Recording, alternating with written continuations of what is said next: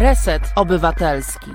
Dobry wieczór Państwu. E, kłania się Konrad Szołajski. E, ja jestem dzisiaj tym, który będzie z Państwem przez najbliższe dwie godziny rozmawiał. To jest program na WSPAK w ramach Resetu Obywatelskiego. E, to jest dzisiaj możliwe, dlatego że grupa Rabarbar nam to pomogła zorganizować i także sfinansowała, za co bardzo dziękujemy. Przypominam także wszystkim naszym odbiorcom, e, że jeśli chcecie Państwo dalej nas słuchać, oglądać i żebyśmy mogli razem się tak spotykać, to y, potrzebne są na to środki i prosimy o wsparcie, bo każda złotówka służy w tej chwili do tego, żeby nas mm, wyposażyć w nieco lepszy sprzęt, żebyśmy mogli technicznie się e, jakoś zorganizować. Nadajemy to w tej chwili przez wirtualne studio i mm, mamy tak naprawdę prywatne środki głównie, ale krok po kroku staramy się wybudować strukturę tego naszego radia, prototelewizji, jak zwał, tak zwał, Reset Obywatelski. E, dzisiaj jesteśmy w sytuacji takiej bardzo dramatycznej i aczkolwiek ja osobiście wolę mm, rzeczy, które są e, zabawne, przekorne, E, wolę poczucie humoru niż dramatyzowanie. Mam taki charakter, chociaż doceniam utwory też tragiczne i bardzo lubię zarówno komedię, jak i tragedię Szekspira. Niemniej e, dzisiaj będzie trochę smutno, e, dlatego że mamy problemy, które no, w zasadzie e, dotykają wszystkich. E, teoretycznie rzecz biorąc, to jest to sprawa kobiet, ale nie do końca, ponieważ kwestia aborcji, kwestia zdrowia reprodukcyjnego to jest kwestia społeczna, która no, powinna przynajmniej interesować tak samo mężczyzn, ponieważ generalnie rzecz biorąc, bez partnera kobieta dziecka nie urodzi. Jeśli jest to zdrowy związek, to oboje w tym uczestniczą w podobny sposób. Oczywiście bardziej jest to sprawa kobieta w tym sensie, że to ona zachodzi w ciążę i to ona w razie czego ponosi te takie fizyczne konsekwencje. No niemniej sądzę, że wszyscy jesteśmy za to odpowiedzialni. Rozmawiałem z koleżankami, które tutaj w tym resecie działają i usłyszałem ciekawą mm, wypowiedź, takie stwierdzenie. Mianowicie, że my też, my mężczyźni, powinniśmy się w tej sprawie wypowiadać, właśnie dlatego, e, że to jest nasza wspólna sprawa, a w tym trochę jednak dalej patriarchalnym społeczeństwie głos mężczyzny czasem jest bardziej słuchany niż głos kobiety. To jest cytat z tego, co mi koleżanka powiedziała. Ja bym się nie ośmielił tego powiedzieć, gdybym specjalnie jej o to nie zapytał. E, dlatego e, mam tutaj odwagę, żeby Państwu zaproponować kolejny program, kolejną rozmowę na temat aborcji. E, a sam wcześniej, kilka tygodni temu, właściwie pod koniec ubiegłego roku, zrealizowałem film e, Polki żądają prawa do aborcji. Film po francusku się nazywa tak może nieco zgrabniej Polonaise revendique le droit d'abortion. Jest dostępny e, w telewizji Arte, właściwie na tym portalu internetowym i można go spokojnie oglądać. Ja myślę, że nasz e, realizator Krzysztof Kołaczek w którymś momencie na czacie e, da link do tego filmu, żeby ci z Państwa, którzy go nie widzieli, mogli e, zobaczyć, bo to jest dostępne dla wszystkich, nie tylko w Polsce, w całej Europie. Ale myślę, że dzisiaj poza problemem, który jest najważniejszy, niesłychanie istotni i niesłychanie ważni są nasi wspaniali goście. I chciałbym ich przedstawić. Więc najpierw może e, osoba, która stoi na pierwszej linii frontu, bo taki tytuł sobie wymyśliłem, wymyśliłem lekarze na froncie, e, doktor nauk medycznych e, Maciej Socha. Dobry wieczór. Dobry wieczór, bardzo dziękuję za zaproszenie. E, ja powiem parę słów, żeby było wiadomo na wszelki wypadek, kim jest doktor Socha, bo to jest osoba, jakby to powiedzieć, o, wybitna, mówiąc szczerze. Jeśli dobrze zrozumiałem z tych opinii, które zbierałem, kogo tutaj należy zaprosić. Jest to specjalista położnictwa i ginekologii, ginekologii onkologicznej, perinatologii. Jest kierownikiem oddziału położniczo-ginekologicznego Szpitala Świętego Wojciecha w Gdańsku. Jest kierownikiem katedry perinatologii, ginekologii i ginekologii onkologicznej Collegium Medicum y, Uniwersytetu Mikołaja Kopernika w Toruniu. Dodatkowo specjalizuje się w seksuologii i patologii współżycia oraz zajmuje się pomocą medyczną osobom transpłciowym. Z tego powodu zresztą będziemy, mam nadzieję, mieli jeszcze szansę tutaj gościć pana doktora. Jest współorganizatorem pierwszej polskiej misji operacyjnej z zakresu chirurgii ginekologicznej i położnictwa w Afryce i Ameryce Południowej. Leczył w Buszu, w Czadzie oraz w górach Gwatemali. Obawiam się jednak, że emocje, które w tej chwili towarzyszą uprawianiu tego zawodu, są bardziej takie gwałtowne w Polsce niż tam. Zaproszony jako wykładowca do LIGO, Instytutu Laparoskopii i Ginekologii Onkologicznej w Kalifornii, w USA także praktykował. Więc y, bardzo się cieszę, że możemy mieć dzisiaj zaszczyt gościć pana doktora, bo ta imponująca lista tych y, do, dokonań jest po prostu taka bardzo y, spektakularna.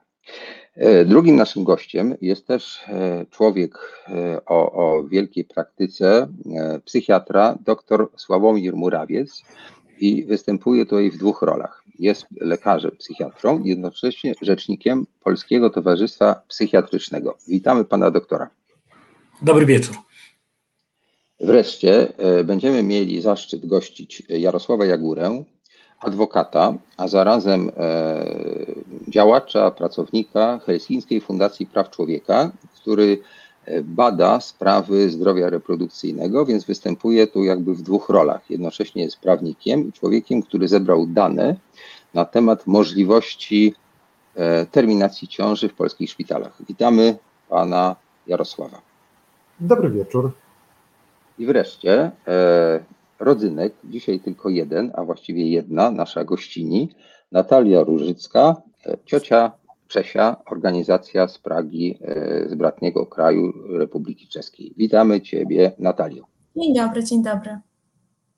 Tym bratnim krajem to ja tak pojechałem takim slangiem, który pamiętam jeszcze z PRL-u, ale nie jest to tak bez powodu, ponieważ potem usłyszymy, mam nadzieję, że Natalia nam opowie, dlaczego rzeczywiście ten taki wyświechtany troszkę epitet w tym wypadku e, może pasuje. No, w pewnym sensie może byłoby lepiej siostrzany niż bratni, ale tak czy inaczej gdzieś tam te więzi między Czechami a Polakami zdaje się owocują w czymś, co e, kilka, może kilkanaście naszych e, rodaczek, a także osoby mm, chyba Czeszki też w tym pomagają. Ale to będzie puenta naszej opowieści, naszej dzisiejszej rozmowy.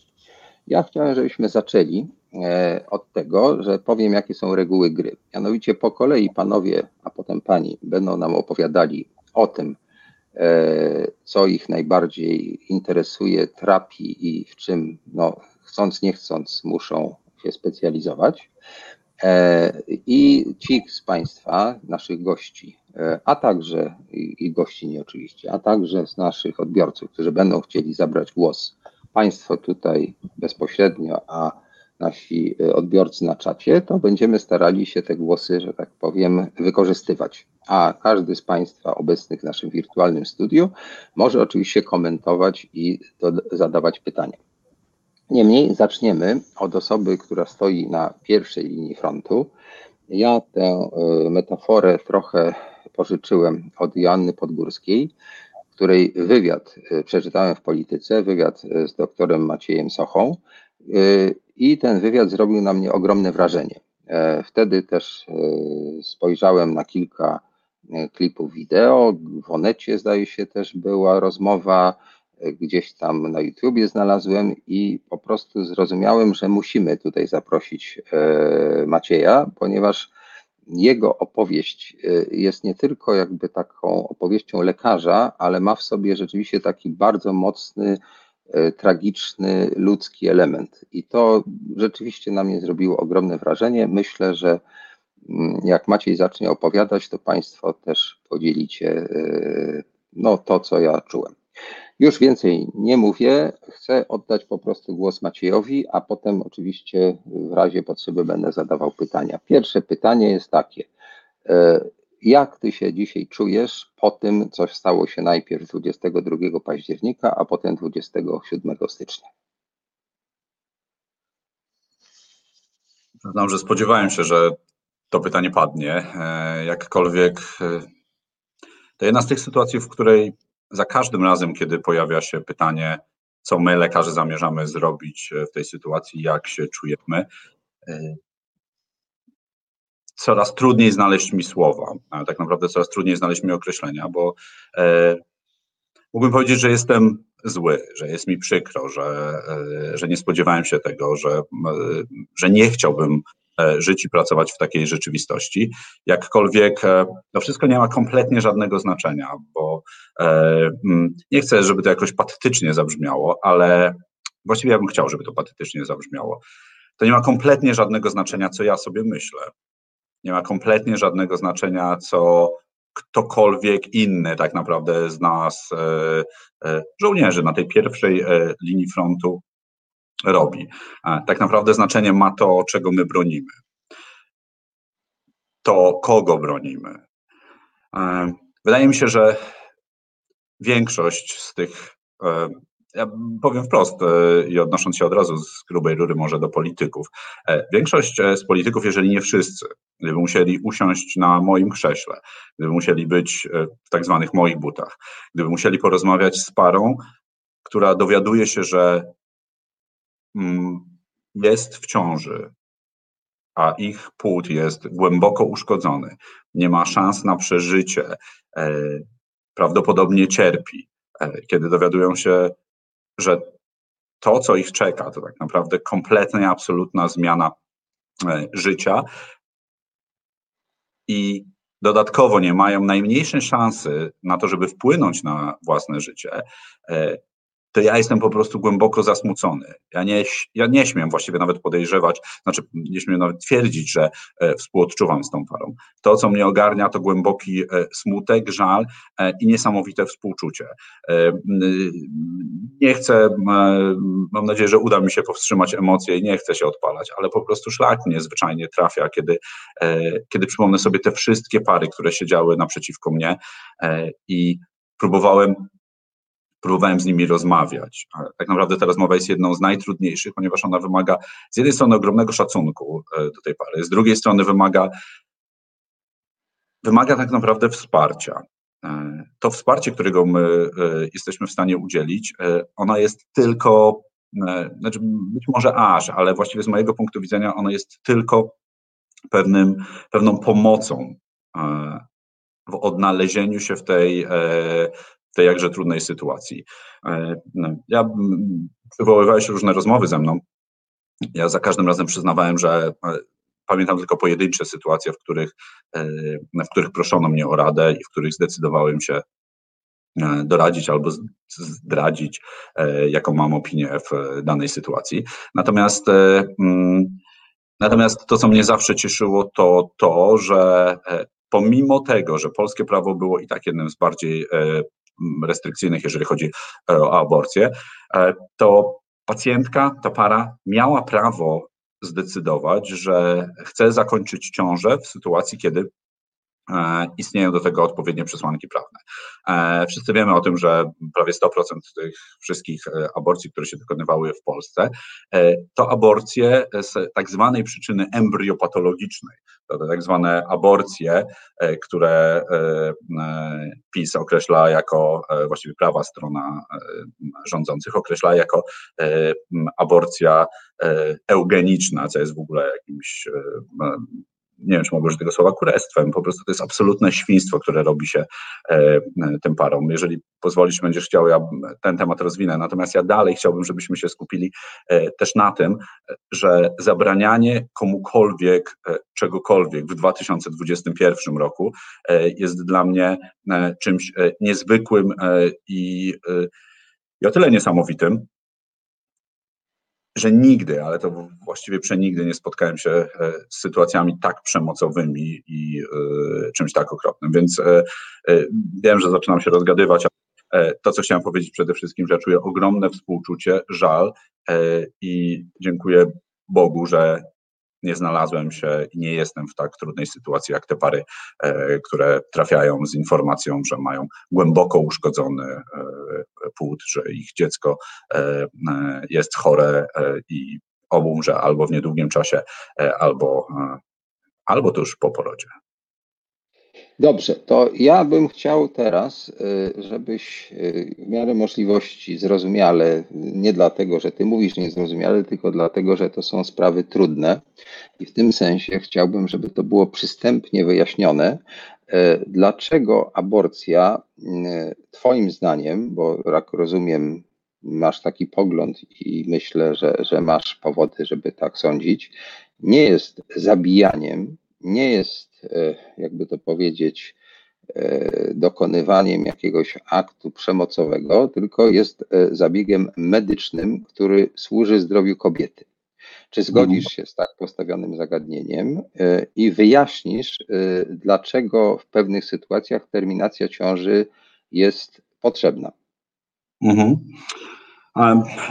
Ta sytuacja jest e, jakby wielowątkowa, jakby odpowiedź na to pytanie e, składa się z wielu części, ale e, zacznijmy może od, od sytuacji, która za każdym razem właściwie była tą, która stawała się przyczyną do zdecydowania pary, którym miałem może nie przyjemność, ale zaszczyt towarzyszyć przy aborcji. To była sytuacja głębokiej e, miłości, współczucia e, i chęci zapobieżenia bólowi e, w chwili, kiedy dowiaduje się matka z ojcem, że ich płód jest uszkodzony. To jest coś, co, co jest niezwykłe, ponieważ wiele osób myśląc o uszkodzonym płodzie myśli tylko i wyłącznie o o zdjęciach e, dzieci z zespołem Downa na, e, na plakatach. E, to nie jest prawda. Zresztą te dzieci z zespołem Downa są też różnymi dziećmi. Mm, para nie ma obowiązku decydować się, nie ma też obowiązku mm, żyć albo sprowadzać na świat może życia, które mm, które będzie obarczone e, schorzeniami różnorakimi. Ja kiedyś opowiadałem o sytuacji, e, która wydała się e, absolutnie oburzająca, jak mogę do niej nawiązywać, ale mam takie wspomnienie z przeszłości, że rodziło się dziecko właściwie dokonywało się poronienie w sensie medycznym, bo w sensie prawnym to zawsze jest poród, ale dokonywało się poronienia i to był jakiś 16-17 tydzień ciąży. Jeżeli mówimy o godności ludzkiej, jeżeli mówimy o godności do życia, to ja nie mam najmniejszych wątpliwości, że e, o tej godności nie możemy dyskutować, jeżeli e, rozmowa e, dotyczy płodu, który nie ma czaszki. Ja pamiętam tą sytuację, kiedy płód położony na, na takiej serwecie wyglądał po prostu upiornie. I to też jest coś, o czym ja nie mówię z brakiem szacunku do życia, nie mówię, nie mówię tego z nieszacunku, ale mówię właśnie z tego ogromnego szacunku. Kiedy położna, która stała przy tym płodzie, jedyna rzecz, którą próbowała zrobić, to zgarnąć tą tkankę mózgową, żeby ona się nie wylewała e, e, poza czaszkę tego e, poronionego płodu, żeby można było matce w jakikolwiek sposób pokazać ten płód. Kiedy rodzi się dziecko tak, że nie jesteśmy w stanie tak naprawdę ustalić, czy mamy do czynienia z płodem e, ludzkim, czy, e, czy też ze zlepkiem komórek. E, już mówiłem raz, że szlak mnie trafia, ale to jest ta sytuacja, w której na przykład płód nie ma górnej części swojego ciała i wtedy dyskusja toczy się na ten temat, że jest to życie i to życie powinno być chronione za wszelką cenę. Ja się zastanawiam tylko wtedy,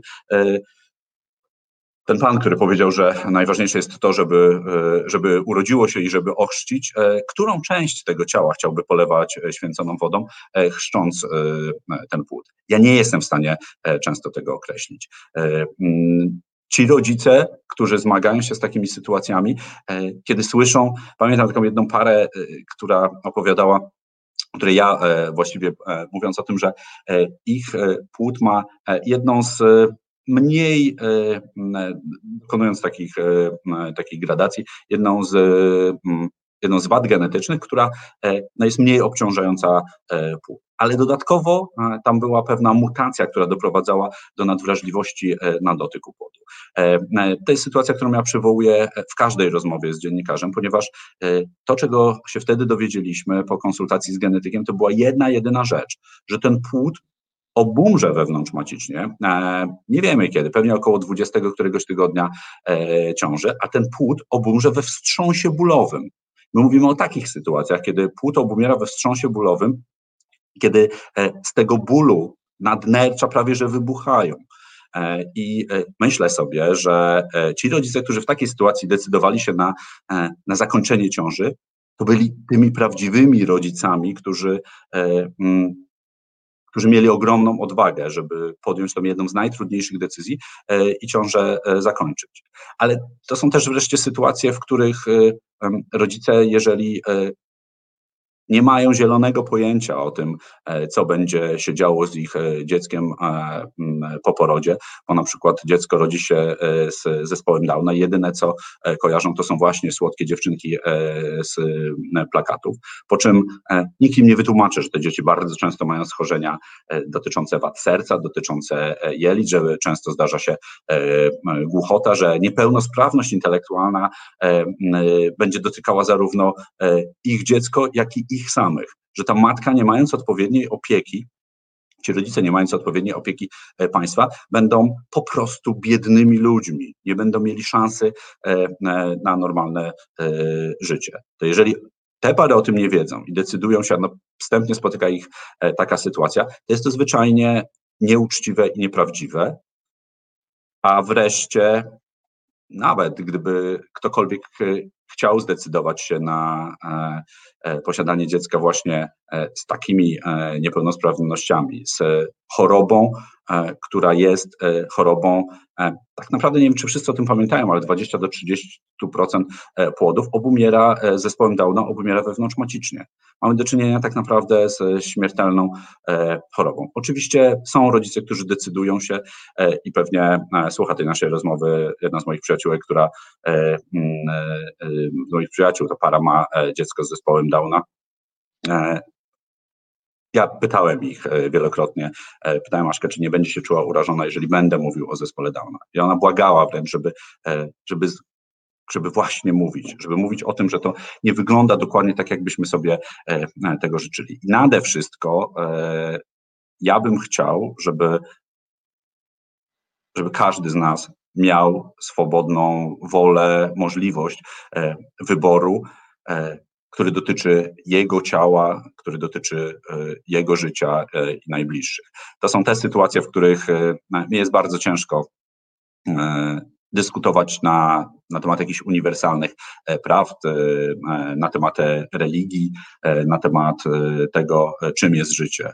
Dla mnie życie matki jest e, tym dobrem e, nadrzędnym. Jeżeli dowiaduje się, że, e, że to jest płód z gwałtu, nie mam najmniejszego problemu w sytuacji, kiedy polskie prawo dozwala na wykonanie zabiegu aborcji, aby ją wykonać. Jeżeli płód jest uszkodzony, ma ciężką, nieodwracalną chorobę, tak jak to była jedna z tych przesłanek, nie mam też z tym najmniejszego problemu. Chciałbym, żeby kobiety miały szansę podejmować samodzielnie e, decyzje e, i móc e, mm, ją tak naprawdę w polskich warunkach zrealizować. Co wiemy i także wcześniej było już bardzo trudne. Teraz większość z tych, mm, z tego tysiąca aborcji, bo to są te dane z 2019 roku, tych oficjalnych aborcji, która była dokonywana z przesłanki, jak to czasem się określa, embryopatologicznej, nie będą miały być, znaczy nie mogą być już przeprowadzane i nie są przeprowadzane. Maćku, ja y, też y, zapraszałem Cię tu ze świadomością, y, że Twoja opowieść jest pełna emocji. Y, właśnie jak Ciebie, znaczy jak czytałem ten wywiad, to na mnie zrobił wrażenie, a potem jak widziałem te wywiady właśnie czy w Onecie, czy gdzieś indziej, to y, jesteś tym lekarzem, y, na którym to się jakby odkłada tak, to widać, że ty nie masz do tego stosunku tylko i wyłącznie takiego technicznego, że jesteś po, prostu bardzo dobrym lekarzem, ale że jakoś w tobie to no, wywołuje rzeczywiście cierpienie, ja bym nawet chyba tak powiedział. To, co się, to cierpienie, no, które oczywiście jest pewnie większe wśród tych kobiet, które, które mają ten problem, ale niemniej ja to czuję w Twoim głosie, widzę to w Twoich oczach. Ale będę tutaj trochę adwokatus diaboli. Na ile ty, jako e, y, ten specjalista, jak to się kurczę nazywa? Felinatologii. Tak, tak, tak. Nie chcę tutaj przekręcić. Jasne. Przepraszam. E, ten, który bada e, kobietę w ciąży, który stosuje te różne techniki, które dzisiaj są już e, dostępne, prawda? 100 lat temu to można było raczej zgadywać, prawda? Teraz mamy i USG, i badanie krwi, i jeszcze pewnie 15 różnych innych specjalnych technik. Za pomocą tych narzędzi współczesnej medycyny można określić prawdopodobieństwo. Ja rozumiem, że pewnie nie ma 100% pewności. W zasadzie wiemy, że umrzemy, tak? A reszta to jest trochę zagadka, kiedy, jak i, jakie będzie zdrowie. Więc pewnie y, no, nie zawsze możesz powiedzieć w 100%, że ten płód obumrze za trzy tygodnie, czy za trzy miesiące, czy też po porodzie. Konrad, a pozwól mi na bycie nieeleganckim i przerwanie ci. E, ja, tak, raz, ja raz zacytowałem, wiesz co, jedno z badań e, w czasach, kiedy e, E, nauka zaczęła się mocno opierać na tak zwanych randomizowanych badaniach.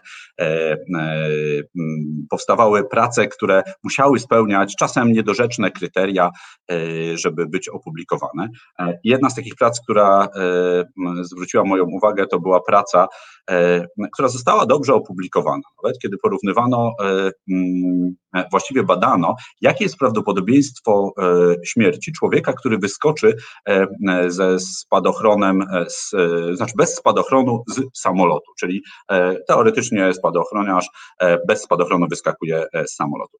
No i okazuje się, że jeżeli przyjąć odpowiednie kryteria, odpowiednie założenia, punkt widzenia albo punkt przyjmowanej oceny, to nagle okazuje się, że niektórzy umrą w trakcie lotu bez spadochronu, bo uświadomią sobie, że, że czeka ich niechybna śmierć, być może dostaną zawołu. Niektórzy tuż przy uderzeniu, E, inni chwilę po uderzeniu, ale ktoś może e, żyć na przykład, bo zahaczy o drzewo 3 e, minuty, będzie żył, inny będzie żył 5 minut. No i całościowo należałoby to nazwać, że będziemy mieli do czynienia ze zgonem, nazwijmy go około skoczeniowym, czyli związanym z tym skokiem ze spadochronem. No w każdym razie dyskusja, która powstała pod tym artykułem i wnioski, które zostały wyciągnięte, one musiały być wyciągnięte w dość niezwykły sposób, ponieważ e, ten jeden z najważniejszych wniosków e, brzmiał, że e, ryzyko zgonu przy skoku spadochroniarza bez spadochronu z samolotu jest wysokie i z niezwykle dużym prawdopodobieństwem należy przyjąć, że ten zgon nastąpi. No i teraz znowu można powiedzieć, no tak, tak, tak, ale to przecież no, o czym ty gadasz, no przecież no, jest możliwe. Gdzieś tam kiedyś słyszałem w jakiejś gazecie, ktoś mówił, że jakby się skoczyło e, e, bez spadochronu, to, no to jakaś tam osoba gdzieś kiedyś przeżyła, e, słyszeliśmy takie rzeczy. Ja bym chciał, żebyśmy mówili o faktach. Ja nie żyję w próżni i nie spotykam się z parami, które wzięły się z kosmosu.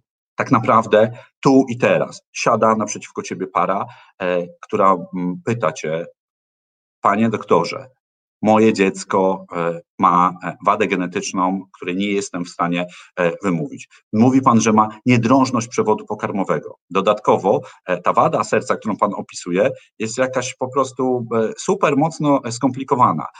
A na dodatek mówi pan, że moje dziecko ma cyklopię, czyli tak jak cyklop ma jedno oko, a zamiast nosa, to ten nos ma przesunięty nad gałkę oczną i, i to jest moje dziecko.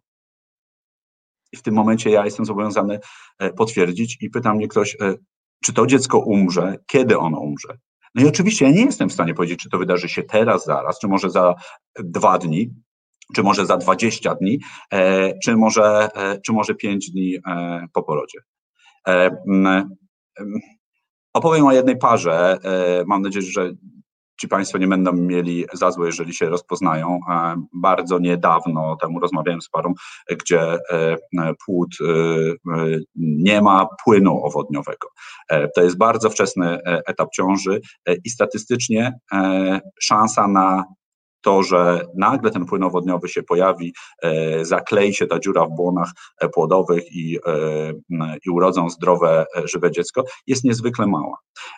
Ja tą parę po prostu poinformowałem, poinformowałem tą parę, że e, płuca dziecka rozwijają się nie tylko w tych rurach, jakim są skrzela, ale ten ich zdrowy, absolutnie teoretycznie zdrowy dzieciak musi się też rozwijać e, poprzez wykonywanie ruchów oddechowych klatką e, piersiową. Te tak zwane ruchy oddechowe, one się dokonują w jamie macicy. W sytuacji, kiedy nie ma płynu owodniowego, nie ma go wcale, nie ma możliwości uzupełniania tego e, płynu owodniowego, jeżeli cudownym trafem udałoby się, żeby żeby ta para donosiła e, ciążę do e, powiedzmy nawet czasu, kiedy e, płody przeżywają, to ten płód, ten dzieciak, ten noworodek wreszcie, on obumrze, on się po prostu zadusi. Ten to dziecko, e, ta świętość e, ulegnie e, zaduszeniu, bo nigdy nie będzie w stanie wziąć oddechu, nawet przy podaniu surfaktantu, przy wszystkich wysiłkach neonatologów. I teraz, jeżeli mamy do czynienia z takim płodem w 16-17 tygodniu ciąży, jeszcze chwilę temu mogliśmy zaproponować parze, żeby, żeby dokonała, może inaczej, mogliśmy zgodzić się na prośbę pary o dokonaniu terminacji ciąży w chwili obecnej, pomimo tego, że mamy do czynienia tak naprawdę z jakby z rozpoczętym e, poronieniem, nikt nie jest w stanie e, zaaplikować e, odpowiednich leków, nie jest w stanie zakończyć takiej ciąży. Nie wiem, czy jakby wszyscy, którzy nas słuchacie, rozumiemy, o czym mówimy. Możemy toczyć jakieś dywagacje i wielkie dyskusje i się podniecać na temat jakichś pojedynczych przypadków, kiedy ktoś przeżył. Ale tak naprawdę, jeżeli macie być rodzicem, i widzieć, jak wasze dziecko dusi się, no nawet nie widzieć, tylko za ścianą, wiedzieć, że na intensywnej e, terapii e, noworodka wasze dziecko się zadusi tylko dlatego, że nie było w stanie rozprężyć swoich płuc, i ktoś chce doprowadzać taką ciążę po uzyskaniu informacji do, do momentu porodu, to proszę wybaczyć, ale to dla mnie nie ma nic wspólnego z godnością tego płodu, nie ma nic wspólnego z człowieczeństwem, nie, nie ma nic wspólnego z jakimś, e, wzniosłonymi emocjami, e, uczuciami. Nie, niestety biologia jest e, też nieubłagana, medycyna jest nieubłagana. My bardzo często mamy do czynienia z tragicznymi sytuacjami, kiedy, nie wiem, to było chyba z półtora tygodnia temu, jedna z pacjentek krwawiła do brzucha z powodu ciąży ektopowej, miała w brzuchu 3600 ml. Powtórzę, 3,5 litra krwi, którą e, odsysałem. E, to była ciąża tak zwana ektopowa, ona akurat była w jajowodzie, ale tam e, to serce płodu biło. Oczywiście to był stan zagrożenia życia matki, ale my doszliśmy do takiego etapu, że e, pacjentka nie była w stanie podpisać zgody na e, zabieg, a co dopiero e, zgody na jakąkolwiek procedurę skomplikowaną, ale ten efekt, tak zwany efekt mrożący, bo to często pojawia się to określenie, ten efekt mrożący jest tak kosmicznie trudny, że jedna z moich rezydentek pierwsze o co mnie zapytała, no mówi, ale szefie, czy my powinniśmy wziąć zgodę na terminację ciąży, że to jest stan zagrożenia życia pacjentki i, i żebyśmy szybko mogli usunąć tą ciążę? Ludzie, no przecież my dążymy, do, albo dotarliśmy do takiego miejsca, gdzie no po prostu jedyne, co ja chciałem powiedzieć, że no po prostu pieprzyć tą zgodę, po prostu biegnijmy na salę operacyjną, spróbujmy uratować życie tej pacjentce. To my o takich sytuacjach mówimy, o tym, że siedząc naprzeciwko konkretnej pary, my rozmawiamy i omawiamy z każdy e, z tych przypadków.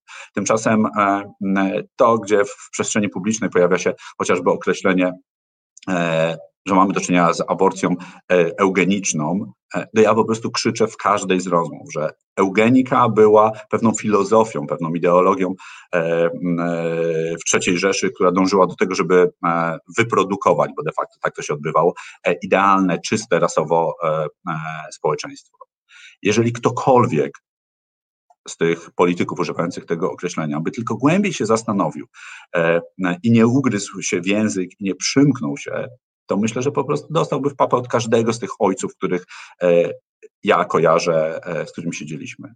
E, niezależnie od tego, co ktoś sądzi na temat eutanazji, to właśnie ta aborcja, o której mówimy, to była aborcją eutanatyczną, właśnie z chęci zmniejszenia cierpień, z ulżenia płodowi, z niesprowadzania na świat głęboko uszkodzonego płodu. I to była ta przesłanka, która e, dla mnie była e, często najgodniejszym wyjściem z sytuacji z punktu widzenia rodziców. Myślę, że ty to wiesz, państwo może nie, ale ja byłem, miałem szansę asystować, towarzyszyć e, przy powstawaniu jednego z pierwszych w Polsce hospicjów perinatalnych. E, to hospicjum, e, jak powstawało, ja do tej pory zresztą konsultuję te pacjentki pro bono. Stworzyliśmy piękny system pomocy tym, którzy zdecydowali się donosić ciążę lub już nie mogli terminować ciąży. Piękny system, który pozwolił na godną śmierć tych dzieciaków, żeby neonatolog nie był zmuszony wkładać w dzieciaka 14 e, rurki i stosować uporczywej e, terapii. E, działaliśmy w ten sposób, że po odpowiednich konsultacjach ci rodzice dostawali odpowiednie wsparcie wtedy, kiedy sobie tego życzyli. Jeżeli chcieli pożegnać się z dzieckiem, ściągaliśmy jakąś zdezelowaną cieplarkę, żeby to dziecko zmarło na ich rękach, u nich na sali, żeby to odbyło się najbardziej godnie, jak to tylko możliwe. I i tak jak normalnie uporczywa terapia jest zaprzestaniem pewnych e, działań, e, to mm, e, ktoś mi powiedział, że, że to manipulacja, co kiedyś powiedziałem, a teraz powtórzę. W ciąży nie jesteśmy w stanie czasem zaprzestać jakichś działań. Niestosowaniem uporczywej terapii jest podjęcie decyzji, aktywnej decyzji o zakończeniu ciąży. Czasem jest tak, że rzeczywiście to ci rodzice muszą podjąć e, decyzję, e, mogą podjąć decyzję, a ja jako lekarz e, jestem po to, żeby szanując ich wolę, zrobić coś, co spowoduje, że dłużej nie będzie ta uporczywa terapia trwała. To brzmi jak swoista manipulacja, ale chcę powiedzieć, że z biologicznego punktu widzenia, czasem prowadzenie ciąży, kontynuowanie ciąży jest jakby dozwoleniem, żeby ta uporczywa terapia e, trwała. To są jedne z tych e, medycznie, przynajmniej z mojego punktu widzenia, tragiczniejszych e, sytuacji, z którymi my wszyscy się zmagamy. Ja ma... Maćku, to ja bym no. chciał słuchać Cię dalej i nie śmiałem Ci przerwać do tej pory, ale ze względu na to, że chciałbym poruszyć tutaj kilka spraw, to y, prosiłbym Cię, żebyś y, na razie y, zachował jeszcze wiele informacji, które masz i być może później zdołamy jeszcze do tego wrócić, a żebyś odpowiedział na jedno pytanie albo przygotował się na odpowiedź na to pytanie, puścimy fragment filmowy, który no, zmieni trochę może też nasze myślenie, a żebyś przygotował odpowiedź na pytanie, co może zrobić dzisiaj lekarz ginekolog, który wie, że ten zabieg jest w jego odczuciu potrzebny, ale zgodnie z prawem nie może. E, przygotuj się do odpowiedzi na to pytanie. Mamy tutaj zresztą gościa, który potem przejmie pałeczkę, a poproszę Krzysztofa, żeby puścił pierwszy klip e, Manifestacja przeciw zakazowi aborcji. Słuchasz Resetu Obywatelskiego. Reset Obywatelski działa dzięki Twojemu wsparciu. Znajdź nas na zrzutka.pl. To była sonda e, zrobiona w czasie manifestacji, mającej miejsce 5 lat temu. Od tamtego czasu sporo się zmieniło, a jesteśmy dzisiaj w zupełnie nowym punkcie. Zakaz, który wtedy groził, dzisiaj jest faktem.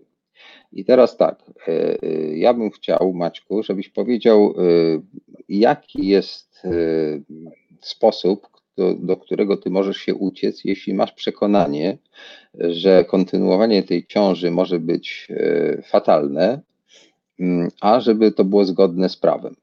Y, I zaraz oddamy Twojemu koledze głos, bo rozumiem, że powiesz o tym, co może zrobić psychiatra.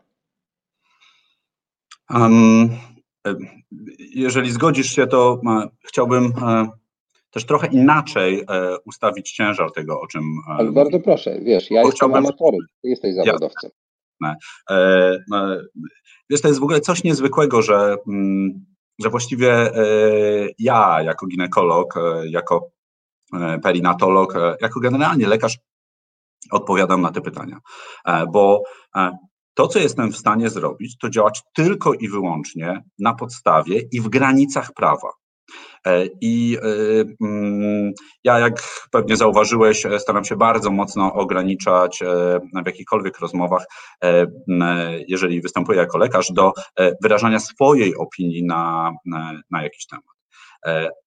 Ponieważ jeżeli na przykład aborcja byłaby E, dozwolona do 12 tygodnia e, ciąży e, na tak zwane życzenie, czyli na prośbę pacjentki, tylko dlatego, że ona sobie tego życzy, bo toczyłaby się dyskusja, że skoro uznajemy, że człowiek e, żyje od, do momentu, kiedy e, funkcjonuje jego mózg. E, jesteśmy w stanie, pomimo tego, że bije serce, jest ciepły, że wygląda niby normalnie, uznać, że mamy do czynienia ze śmiercią mózgową i już wtedy wentylujemy zwłoki.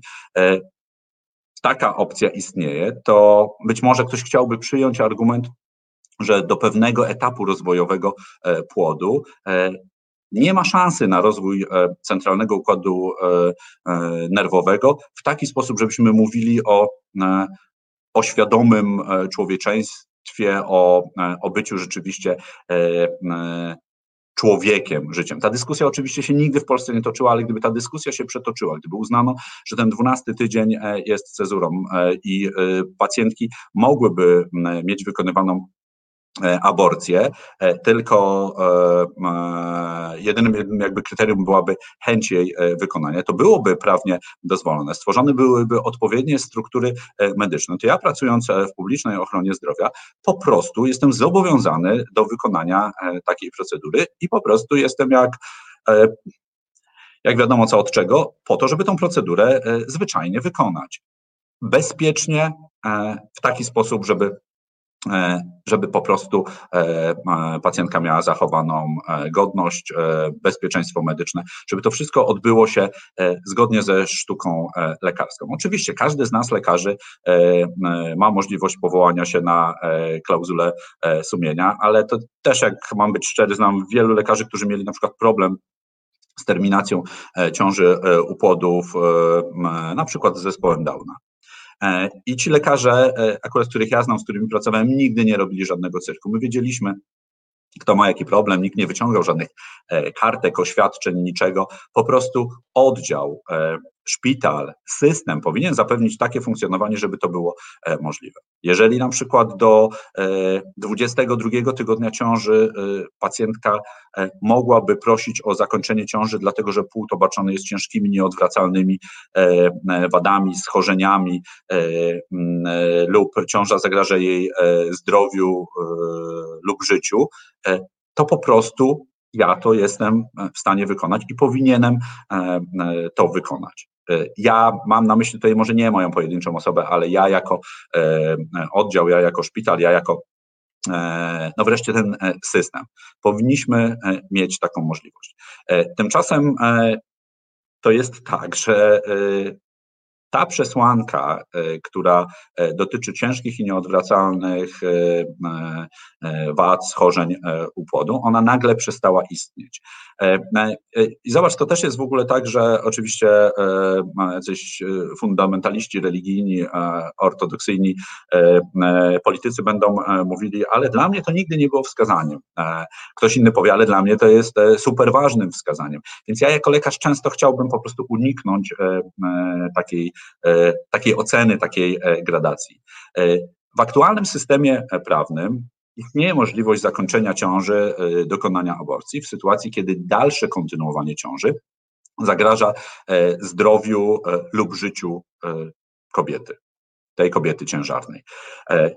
Z mojego punktu widzenia, jako lekarza, może ciąża bezpośrednio e, zagrażać e, zdrowiu i życiu pacjentki, to ja jako ginekolog jestem w stanie ocenić. To jest ten przykład z tymi e, trzema tysiącami 600 mililitrami krwi w brzuchu pacjentki, kiedy mieliśmy do czynienia z ciążą ektopową, z ciążą jajowodową. Ale to równie dobrze może być zaświadczenie od kardiologa, że dalsze trwanie ciąży zagraża zdrowiu i życiu pacjentki zaświadczenia od neurologa, neurochirurga, jakiegokolwiek innego specjalisty, że mamy do czynienia z zagrożeniem zdrowia lub życia pacjentki. No i zmierzam do końca, ponieważ ja wiem oczywiście do czego pijesz i zresztą wszyscy tą dyskusję, to może inaczej ta dyskusja gdzieś publicznie zaczyna wybrzmiewać, że Istnieje możliwość, że pacjentka przedstawiając zaświadczenie od psychiatry, że dalsze kontynuowanie ciąży e, zagraża jej e, zdrowiu lub e, życiu, to takie zaświadczenie powinno być właściwie wystarczające dla ginekologa że, e, żeby e, tą ciążę zakończyć. A ja mam wrażenie, że, e, że wielu polityków, też tych prawicowych, słuchając wreszcie dyskusji i rozmów eksperckich, jakby chciałoby na to dozwolić, ale oczywiście jest między innymi polityk, który się nazywa Jaki i pan Jaki ostatnimi czasy w jednej z wypowiedzi, zdaje się, że dla Wirtualnej Polski powiedział, że przecież depresja jest takim pogorszeniem stanu takim pogorszeniem e, samopoczucia. E, no, przyznam szczerze, że jako lekarz po prostu szlak mnie trafia, bo to jest idealnym przełożeniem tego, co my myślimy na temat psychiatrii. Że schorzenia psychiatryczne to jest coś tam e, takiego, weź się w garść. To mniej więcej na tej samej zasadzie, jakbyśmy powiedzieli komuś z zapaleniem płuc, ej, ty stary, weź wstawaj, powiedz sobie, że nie masz zapalenia płuc. Wszystko jest dobrze, weź się w garść, idź na spacer, będzie lepiej. Albo komuś, komu urwie nogę, co ty, nie boli cię ta noga? No powiedz sobie, że wszystko jest w porządku, masz fajną żonę, cudowne dzieci, jest super. No nie, to nie tak funkcjonuje. E, zresztą e, to też jest tak, że ja e, specjalizując się w seksuologii, gdzieś ta psychiatria jest mi bliższa, ale po prostu nawet nie śmiem aspirować do tego, z jakimi schorzeniami pracują psychiatrzy. Ale mam to nieszczęście często widywać pacjentki, pary, które są fatalnej sytuacji psychicznej. E, mm, I to nie chodzi o e, mm, jakieś jednostkowe sytuacje, gdzie, jak niektórzy sądzą, wystarczyłoby e, włączyć jakieś leczenie, żeby pacjentka się przespała i żeby było po wszystkim, albo żeby ją wesprzeć w danej sytuacji.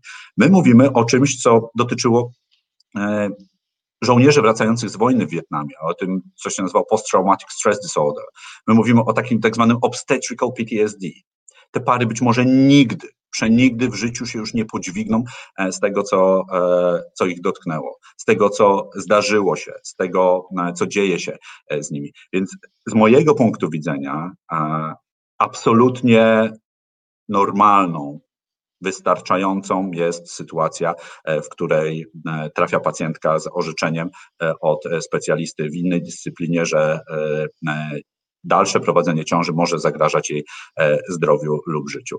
E, muszę też przyznać wprost, że e, mm, myślę, że też nikt mi nie będzie miał za złe, że my też przyjęliśmy e, taki schemat, że żeby to nie było jedno zaświadczenie, że jeżeli by się udało, niechby to były opinie dwóch specjalistów. E, wreszcie my się później konsultujemy, czy to jest e, przesłanką wystarczającą do aborcji. No jakby ustaliliśmy pewien modus operandi, ale to znowu to jest to, o czym ja mówiłem w co najmniej kilku rozmowach ze mną to urąga mojej godności lekarskiej i mojemu poczuciu no, o takim właściwie współodczuwaniu, poczuciu e, bycia e, z pacjentką, e, z tą parą, że ja muszę po prostu kombinować i, i właściwie toczyć dyskusję, czy psychiatryczne schorzenia, wskazania medyczne, psychiatryczne do jakiejś procedury są wystarczającymi. No bo przecież psychiatrzy to tam kimże tam jest e, psychiatra. To też pokazuje, w jakiej e, gównianej po prostu kondycji jest e, polska psychiatra, psychiatria, jak my mało wiemy na temat schorzeń psychiatrycznych, że no, prawie dwa razy tyle ludzi popełnia w Polsce samobójstwa niż ginie w wypadkach samochodowych. Czy ktoś z Państwa był na stronie Polskiego Towarzystwa Suicydologicznego? Nie, pewnie nikt tam nie wchodzi, bo to są nieprzyjemne rzeczy do słuchania ale tak jest. My w Polsce nie mamy edukacji e, seksualnej, bo ona de facto nie istnieje, a być może jeszcze w gorszej będzie e, e, zapaści. E, diagnostyka prenatalna powinna być na dużo wyższym poziomie. To tego jesteśmy wszyscy pewni i powinniśmy dążyć do jej doskonalenia. Wreszcie opieka państwa powinna zupełnie inaczej wyglądać, a nie, że za po prostu jakąś jałmużnę rodzice wychowują dzieci z niepełnosprawnościami. Mi jako Polakowi w takich sytuacjach jest wstyd. No a wreszcie to jest tak, że mm, ja pamiętam, że kiedyś, e, to też tak się wyautuję tutaj e, przed tobą, e, kiedyś jak usłyszałem określenie, że jak nie chcesz aborcji, to sobie jej nie rób, gdzieś tak jakoś wywołał ciarki im na plecach sobie myślałem, ale mm, głupio. Ale to się do tego sprowadza. Ja nie wiem, czy kiedykolwiek, jeżeli będę ciężko chory, nie będę chciał zakończyć swojego życia bez e, cierpienia, wymiotów e, kołowych, bez tracenia e, przytomności z bólu albo będąc tłumionym lekami. Być może będę chciał dokonać eutanazji, a być może nie, bo będę miał cudowne wsparcie, tak jak moja umierająca matka, gdzie byliśmy razem do końca i dla niej każda sekunda tego życia, niezależnie jaką miał jakość, była wartością ale chciałbym, żebyśmy mieli możliwość, e, może inaczej, chciałbym, żebyśmy mieli wybór. E, ja po prostu e, żądam i życzę sobie jako Polak, żebym ja miał wybór, żeby kobiety tutaj w tej sytuacji ciężarne miały wybór, co ma się zdarzyć z ich ciałem i co ma zdarzyć się z ich życiem. Bo naprawdę to nie są wiosenne wykopki, że my sobie o czymś tam zdecydujemy, a to najwyżej oddasz do adopcji ludzie. My mówimy tak naprawdę o realnych e, sytuacjach, o ciężkich, pojedynczych dramatach e, dotyczących e, tej kobiety, jej męża, często szerszego kręgu rodzinnego. My mówimy naprawdę o poważnych sprawach, a, no, a właśnie, no, jeżeli mogę tylko tak już, bo spodziewam się, że, że, że za dużo gadam, chciałbym tylko przypomnieć o jednej rzeczy, że Światowa Organizacja Zdrowia przeprowadziła badania, na te badania powołuje się nawet Komitet Bioetyki Polskiej Akademii Nauk. Nie przegląd y, Pcimia, z całym szacunkiem dla Pcimia e, i aktualnego prezesa e, Orlenu.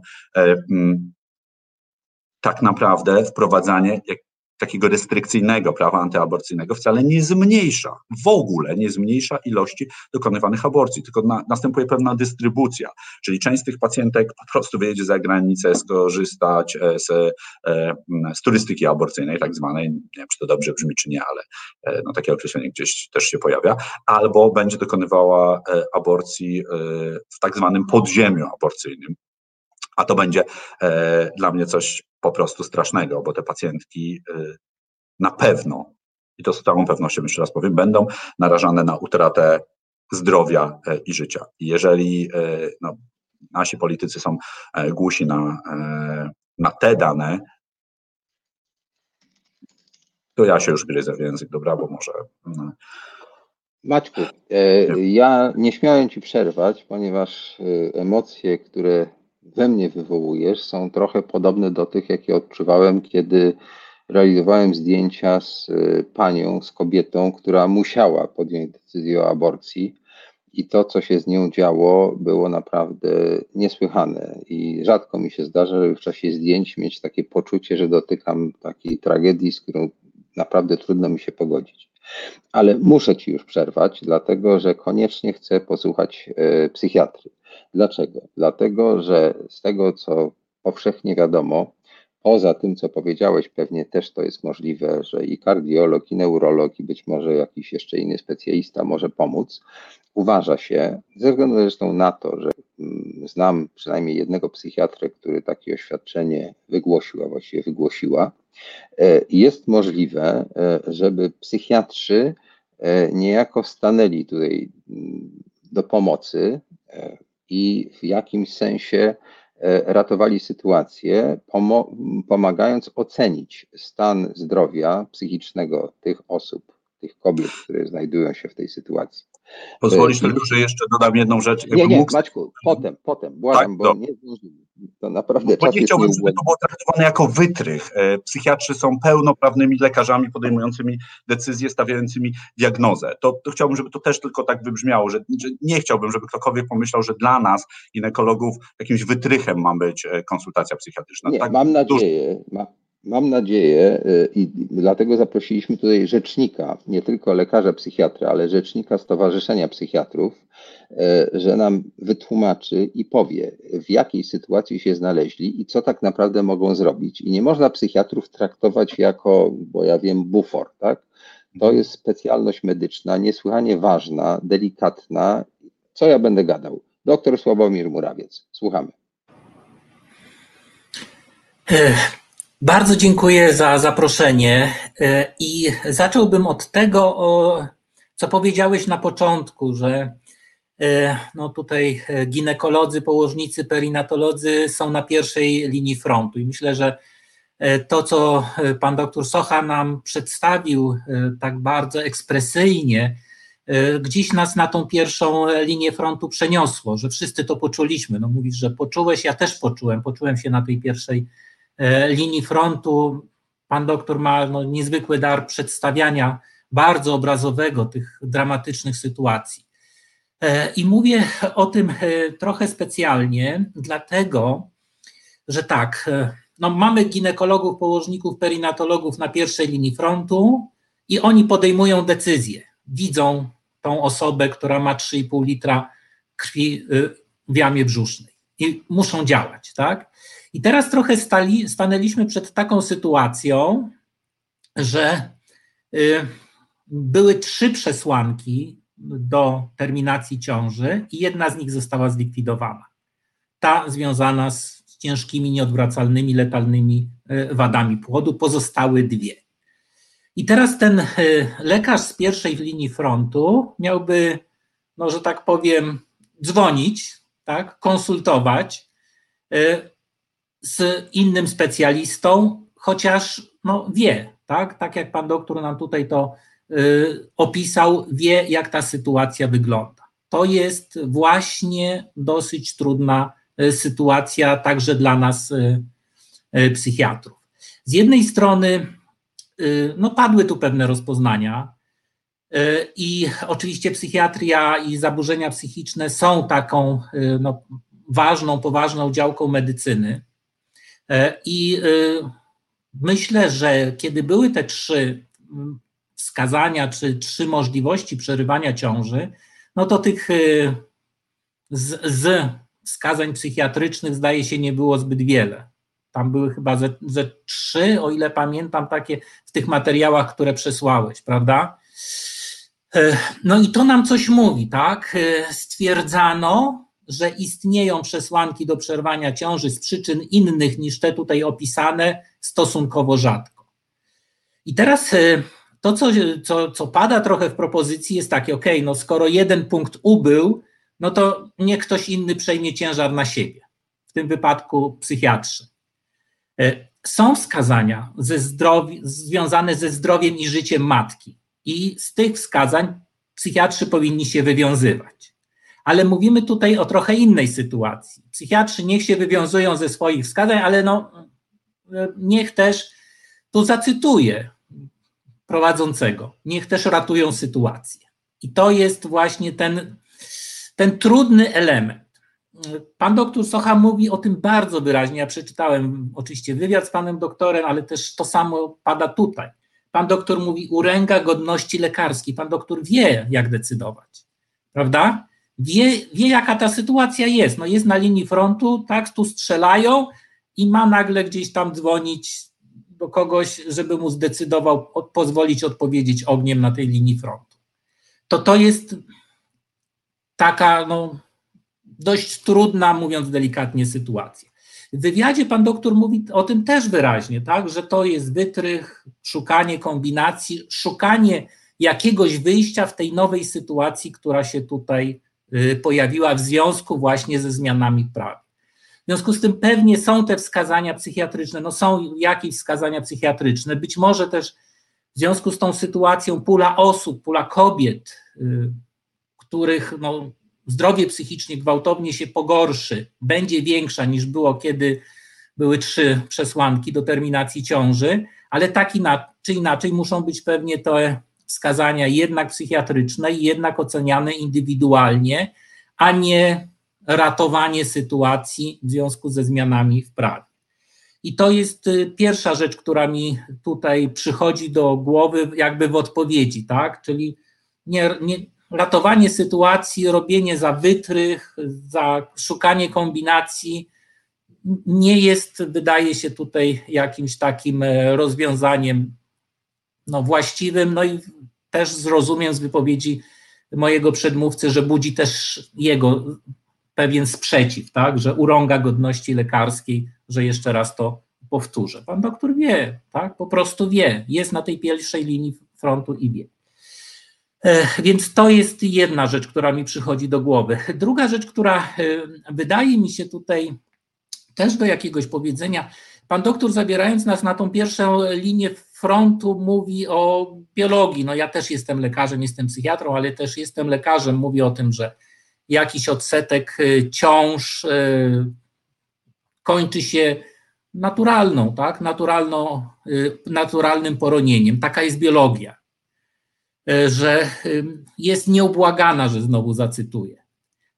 I mamy taką sytuację, że do tej nieubłaganej biologii próbuje się przypasować różnego rodzaju no, konstrukty z zupełnie innego poziomu mi łatwiej może to jako psychiatrze mówić, tak, bo dużo przebywam też w tej sferze konstrukcji. Mamy jakieś życie, tak, ale na to życie zawsze narzucamy jakiegoś rodzaju konstrukty. No i tutaj na biologię, która jest właśnie nieubłagana i która jest no, taka, jak pan doktor to przepisywał, narzucamy pewnego rodzaju konstrukty, ona się nie posłucha. Ona jest taka, jaka jest, tak jak zostało tutaj przedstawione i trzeba jednak wsłuchiwać się w tą biologię także, no bo ona po prostu taka jest i żadnymi konstruktami, e, przekonaniami, teoriami i tak dalej jej po prostu nie zmienimy. E, no i e, jeszcze jedna rzecz, która mi przyszła do głowy, to jest, że okej, okay, no powiedzmy, że pan doktor stwierdza taką sytuację dramatyczną, straszną, o której pan doktor tutaj opisywał, i co? I teraz do psychiatry. To też ustawia kobietę i czy rodzinę, kobietę, jej partnera, bliskich w takiej sytuacji, e, no, niezbyt komfortowej, tak? Tej kobiecie i jej bliskim należy się szacunek, a tu kierujemy do psychiatry, jak będzie miała jakieś orzeczenie, że zachorowała, to wtedy nagle e, dostaje przyzwolenie na dokonanie aborcji. To też taka droga trochę dookoła. Y, w opinii wielu osób może pozbawiać szacunku. No, dla nas, jako psychiatrów, nie, no bo oczywiście no, szanujemy naszych pacjentów, szanujemy swoją profesję i szanujemy rozpoznania i wiemy, że to jest, tak jak powiedziałem, ważny kawałek medycyny, ale w opinii wielu osób e, może być tak, że to jest e, przesuwanie w kierunku no, jakichś zaburzeń, choroby, że coś z tą kobietą nie tak i wtedy dopiero ona będzie mogła tą aborcję e, dokonać. To też jest dosyć takie, no, może być bardzo trudne. Chcielibyśmy jednak zachować szacunek dla naszych pacjentek i ich bliskich właśnie w tak trudnych sytuacjach. No i ostatnia rzecz, też y, trochę tytułem komentarza. Pan doktor mówił o dwóch y, y, opiniach. Myślę, że rzeczywiście być może ta, ta droga pewnego konsylium byłaby tutaj jakimś rozwiązanym, rozwiązaniem, ale no to pierwsze, co zgłosiłem, to jest właśnie ta kwestia dotycząca właśnie tak, no, tego ratowania sytuacji w, w związku ze zmianami w prawie, a nie w związku z tym, co dzieje się e, z samymi pacjentkami. Bardzo Ci dziękuję. Ja myślę, że to jest tak, e, że zarówno e, lekarze, ginekolodzy, perinatolodzy, jak i psychiatrzy zostali w wyniku tej sytuacji postawieni no, jakby pod ścianą. To znaczy, moralna odpowiedzialność, która teraz na nich spoczywa, jest po prostu no, taka, że nie powinno się tym ludziom tego robić. Dlatego, że ja doskonale rozumiem, że lekarz, który zna medycynę, który jest wybitnym fachowcem i potrafi ocenić sytuację, musi tak naprawdę w pewnym sensie nie robić tego, co jego wiedza jakby mu podpowiada. Tak, tak rozumiem z tego, co mówi doktor Soch. Z kolei to, co mówi doktor Murawiec, to wskazuje, myślę, że trafnie na to, że w pewnym sensie psychiatrzy nie chcieliby być postawieni wobec sytuacji, że tworzą no, wręcz jak PRL-u, kiedy się uciekało przed wojskiem, to się szło do psychiatry, żeby dostać taki papierek, że człowiek jest troszkę tego, to nie musi iść do wojska, tak? I psychiatrzy tak robili, po znajomym pomagali i tak dalej. Jak poprosił ojciec, że jego syn jest normalny, ale warto mu pomóc, no bo dlaczego ma iść w kamasze, to, no to się tak robiło, prawda? Więc to powstaje sytuacja trochę, no trochę to jest mało powiedziane, nienormalna, tak? Że gdzieś tam się to w ogóle przesunęło w niewłaściwą stronę. Ja w tej chwili nawet nie, nie, nie próbuję y, dyskutować z tym, czy ten trybunał miał prawo, nie miał prawa, czy życie się zaczyna wtedy, kiedy plemnik się spotyka z komórką, czy w parę tygodni później, jak chciał jeden z ojców kościoła, czy w czasie porodu i tak dalej. Chodzi o to, że jesteśmy wobec sytuacji faktycznej. Sytuacja faktyczna jest no, wręcz tragiczna. E, w pewnym sensie jestem w uprzywilejowanej sytuacji, że mogę się tutaj tak mądrzyć, a nie stoję w gabinecie, e, nie badam pacjentki, czy nie przychodzi do mnie zrozpaczona kobieta, bo sam nie wiem, jakbym się zachował. Ale wiem też, że wprawdzie najważniejsze są losy tych kobiet, to także właśnie e, odpowiedzialność i, i życie lekarzy w tej chwili jest poddane jakiejś ciężkiej próbie i to wręcz takiej, która no, ma wymiar karny. Tak? Jeśli lekarz popełni błąd, wcześniej już tak się zdarzało, nie chcę wchodzić w szczegóły, bo to może nie pora, ale, ale zdarzało się, że politycy wykorzystywali swoją pozycję, żeby mścić się za na lekarzach za prawdopodobnie urojone błędy lekarskie, prawda? Znamy tę historię z Krakowa. Teraz to jest y, dziesięciokrotnie, stukrotnie bardziej groźne.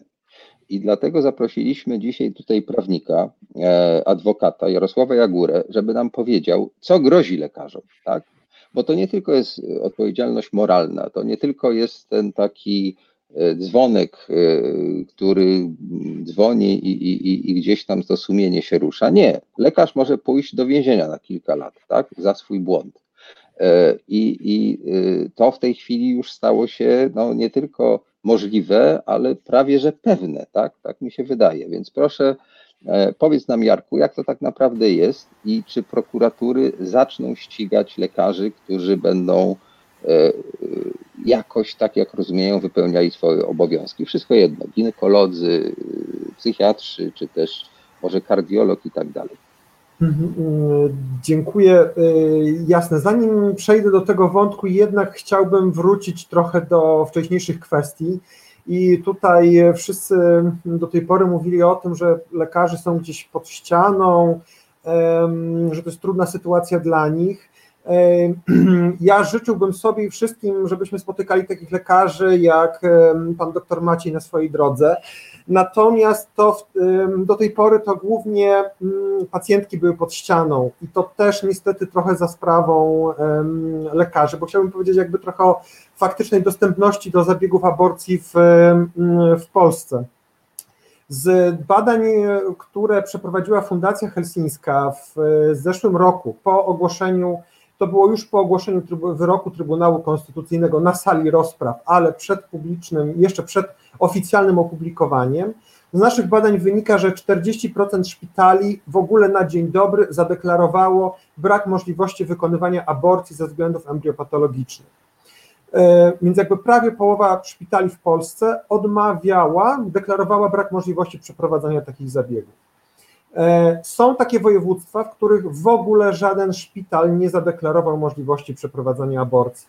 Głównie na przykład ze względu na klauzulę sumienia, jak ma to mm, na przykład do czynienia w, mm, w województwie podkarpackim. My zapytaliśmy 130 szpitali, więc jakby nie wszystkie, ale staraliśmy się jakby z każdego terenu mniej więcej po taką samą liczbę szpitali, żeby mieć ogląd w całej, w całej, mm, w całej Polsce. Z innych badań, które przeprowadziła Federa, Federacja na Rzecz Kobiet i Planowania Rodziny, wynika, że tak naprawdę wszystkie legalne aborcje w Polsce były wykonywane, czyli te tysiąc ileś aborcji, w 10% szpitali, które miały zawarte kontrakty z NFZ-em z zakresu um, ginekologii, hospitalizacji, um, czy jakby teoretycznie mogły przeprowadzać um, aborcje, mogły udzielać świadczeń przerwania, przerwania ciąży. Więc um, nie do końca, że tak powiem, ja rozumiem, że jakby dla wielu lekarzy, którzy mm, wykonują swój zawód, może to być trudna sytuacja, że nie mogą pomagać pacjentkom tak jak mogą, tak jak powinni, tak jak czują. Natomiast jakby do tej pory było bardzo trudno tak naprawdę, a teraz po prostu jest jeszcze, mm, jest jeszcze trudniej. Więc to bym takie chciałbym jednak takie ważne zastrzeżenie tutaj ważne zastrzeżenie poczynić. Tak samo w kontekście pewnego tutaj pan Sławo, pan doktor e, wspominał o potrzebie powoływania konsyliów. Często właśnie to jest tak, że właśnie kobiety idąc, chcąc skorzystać z zabiegu, spotykały się właśnie z oporem po stronie lekarzy i to właśnie a to powołajmy kolejne konsylium, a to kolejną konsultację, a to wykonajmy kolejne badanie do czasu, aż właśnie minął na przykład termin na możliwość przeprowadzenia mm, aborcji, więc jakby tego typu jakby mm, pomysły gdzieś tam budzą we mnie od razu, ja rozumiem jakby ideę, ale widzę od razu pewne zastrzeżenia i boję się, że jednak ten dostęp, jakby dostęp był trudny, a teraz po prostu jest trudniejszy. Nigdy nie było tutaj w tym zakresie łatwo, więc jakby tutaj no taka gorzka mm, gorzka prawda, mm, e, tak naprawdę.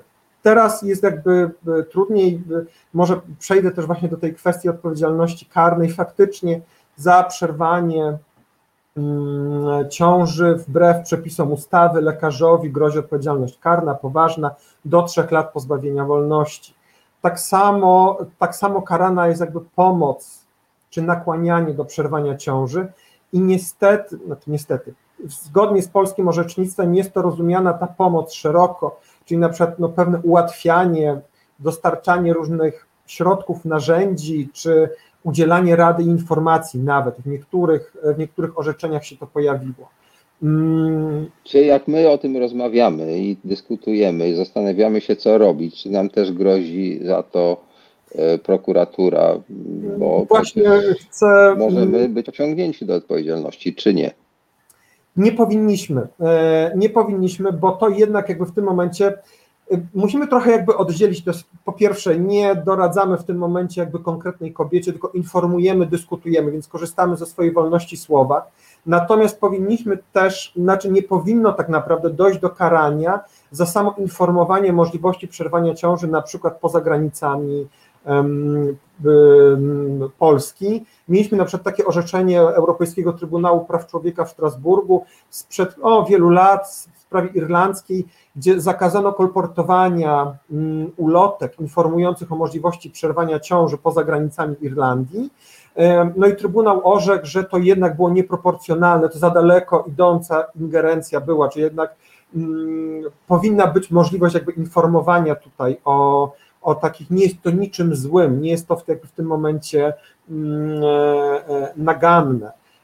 Znaczy, mogę Ci przerwać, bo może byśmy e, obejrzeli fragment pochodzący z polskiego parlamentu, z polskiego Sejmu, który dotyka właśnie dokładnie tej sprawy. Krzysztofie, puściłbyś teraz nam klip posłanka lewicy na mównicy sejmowej? Szanowna Pani Marszałek, Wysoka Izbo, chciałabym dopytać jeszcze o jedną rzecz.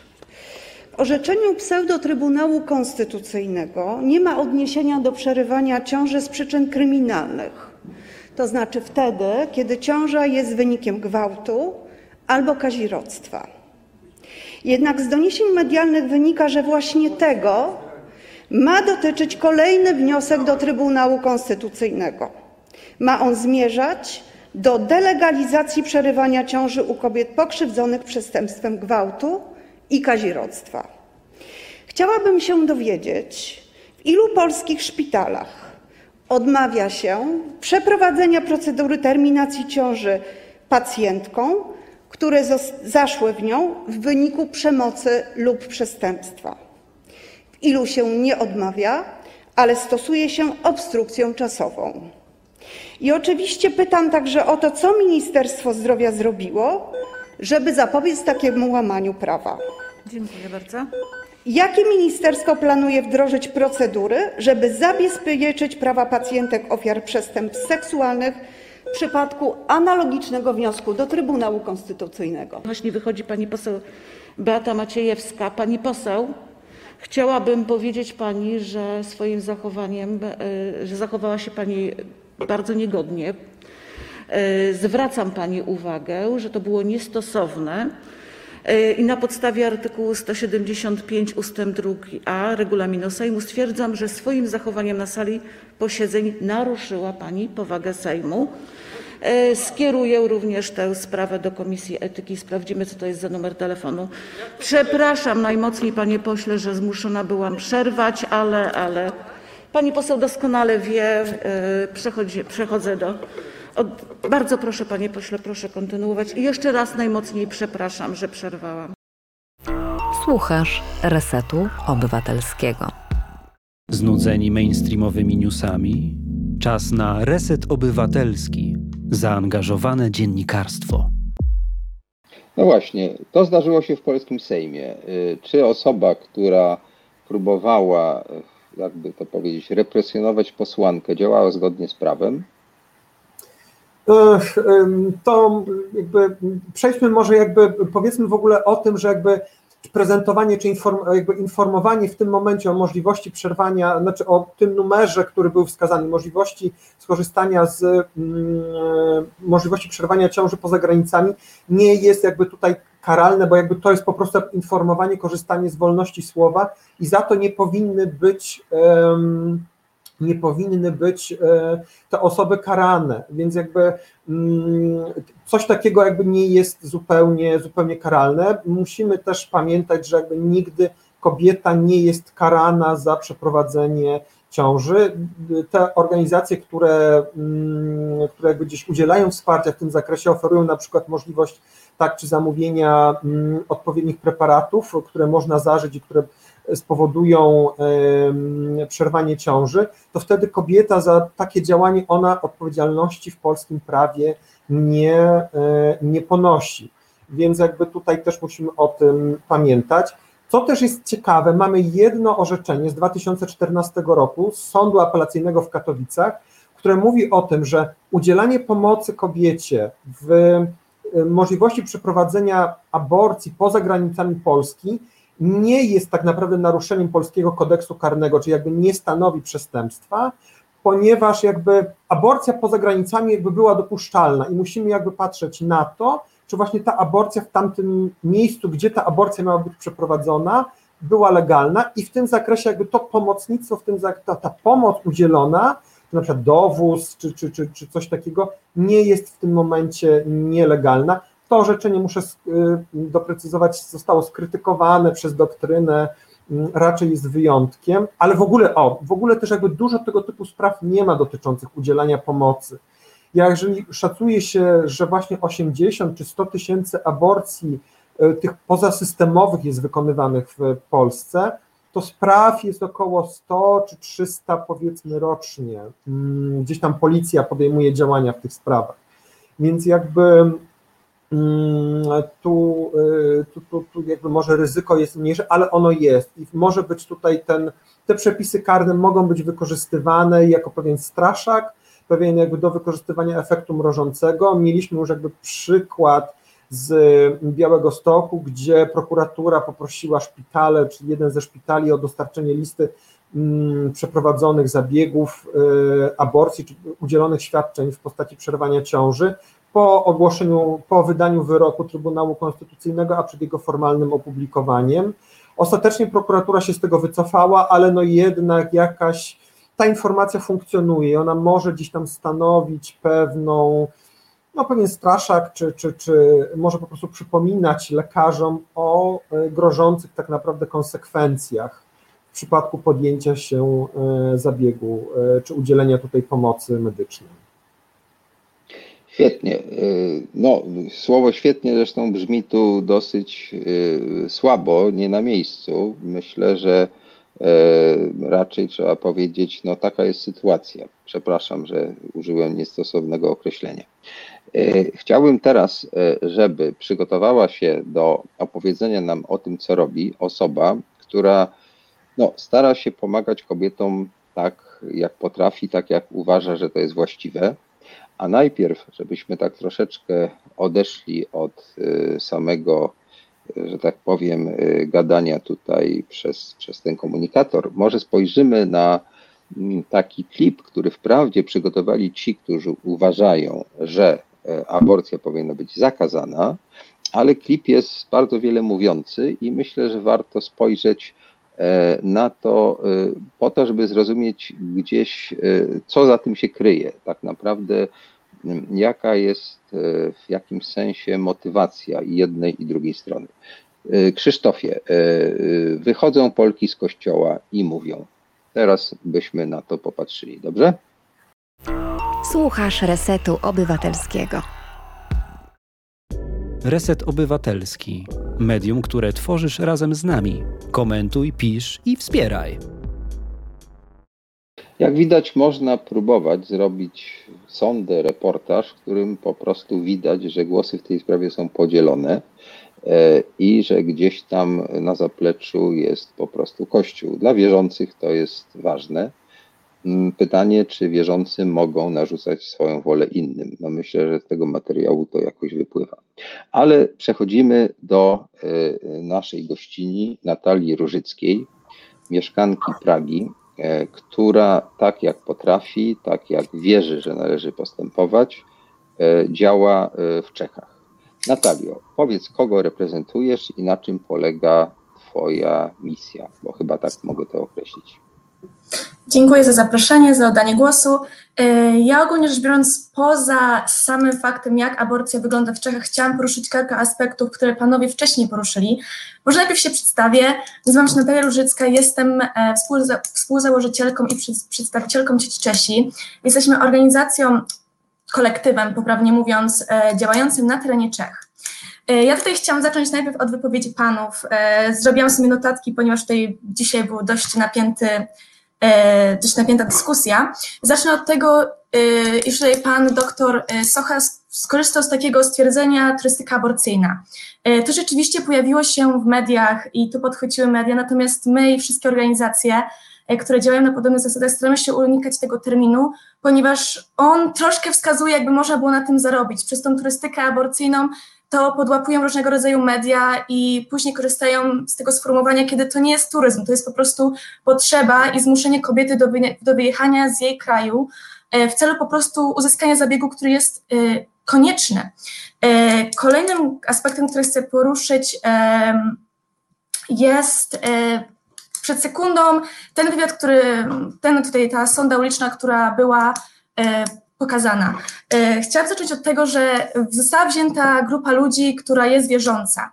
Czyli z góry zaczynamy, już jakby zostało, zostały zapytane osoby, których zazwyczaj poglądy na ten temat są przesądzone. Gdyby tak naprawdę wziąć przeciętną osobę na ulicy, znacznie więcej osób jest jednak za tym, żeby ta aborcja była dostępna tak, jak była dostępna przed ostatnim wyrokiem Trybunału Konstytucyjnego. Dodatkowo na przykład, ja tutaj mówię oczywiście za siebie, ale wydaje mi się też za moje osoby z mojej organizacji, My kompletnie nie mamy problemu z tym, żeby aborcja, żeby niektóre osoby nie wykonywały tej aborcji. Natomiast dla nas jest ważne to, żeby po prostu był wybór aborcji. Ja jak najbardziej będę wspierała osoby wierzące, które na przykład nie chcą wykonać takiej aborcji, chcą znaleźć sposoby, aby takiej aborcji nie wykonywać. Nie ma kompletnie problemu, ja będę ich wspierała, bo każdy odpowiada za siebie i ma swoją, ma po prostu rację bytu i ma prawo do decydowania o sobie i z tego względu też ja bym oczekiwała od osób, dla których dla nich nawet nie jest to zgodne z ich moralnością, jest to po prostu odpowiednie dla innych moralności. Tutaj co do tego, tego wywiadu, dalej chciałam poruszyć temat co do lekarzy w Polsce. Tak, oczywiście przed, tym, przed wyrokiem Trybunału Konstytucyjnego była możliwość wykonania aborcji, aczkolwiek ze, ze względów chorób wad prostu płodu. Natomiast one często nie były wykonywane i często kobiety, nawet przed tym jak ten wyrok Trybunału Konstytucyjnego był zatwierdzony, chodziły od szpitala do szpitala i one były po prostu puszczane z kwitkiem.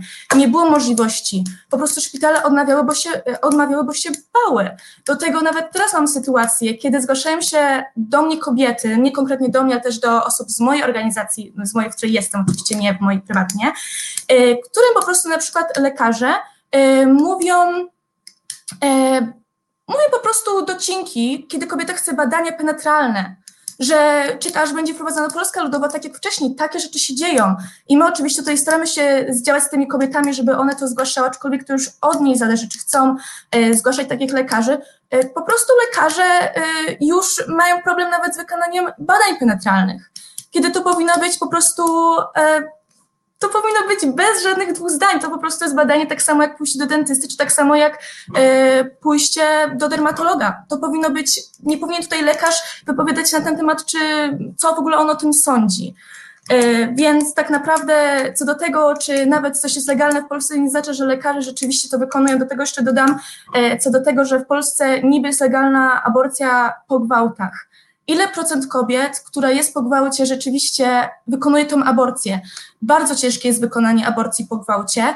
Y, to jest po prostu, to są miesiące często ciężkiej walki. To jest naprawdę, prawo nie stoi po stronie kobiety. I ja miałam przypadki, kiedy rozmawiałam z kobietami po gwałtach, które po prostu nie decydowały się na zgłoszenie tego, nie decydowały się na aborcję w Polsce, ponieważ w Czechach mogły to zrobić bez tłumaczenia, Y, szły po prostu od razu, nikt się ich nie pytał i to była tylko i wyłącznie ich decyzja. Więc tutaj chciałam to jeszcze tak podsumować, że y, Cieszę się, że są lekarze w Polsce, którzy decydują się i dalej e, pomagają kobietom, natomiast jest, to jest bardzo duża część lekarzy, którzy nawet mają problemy po prostu z wypisaniem recepty na tabletkę po.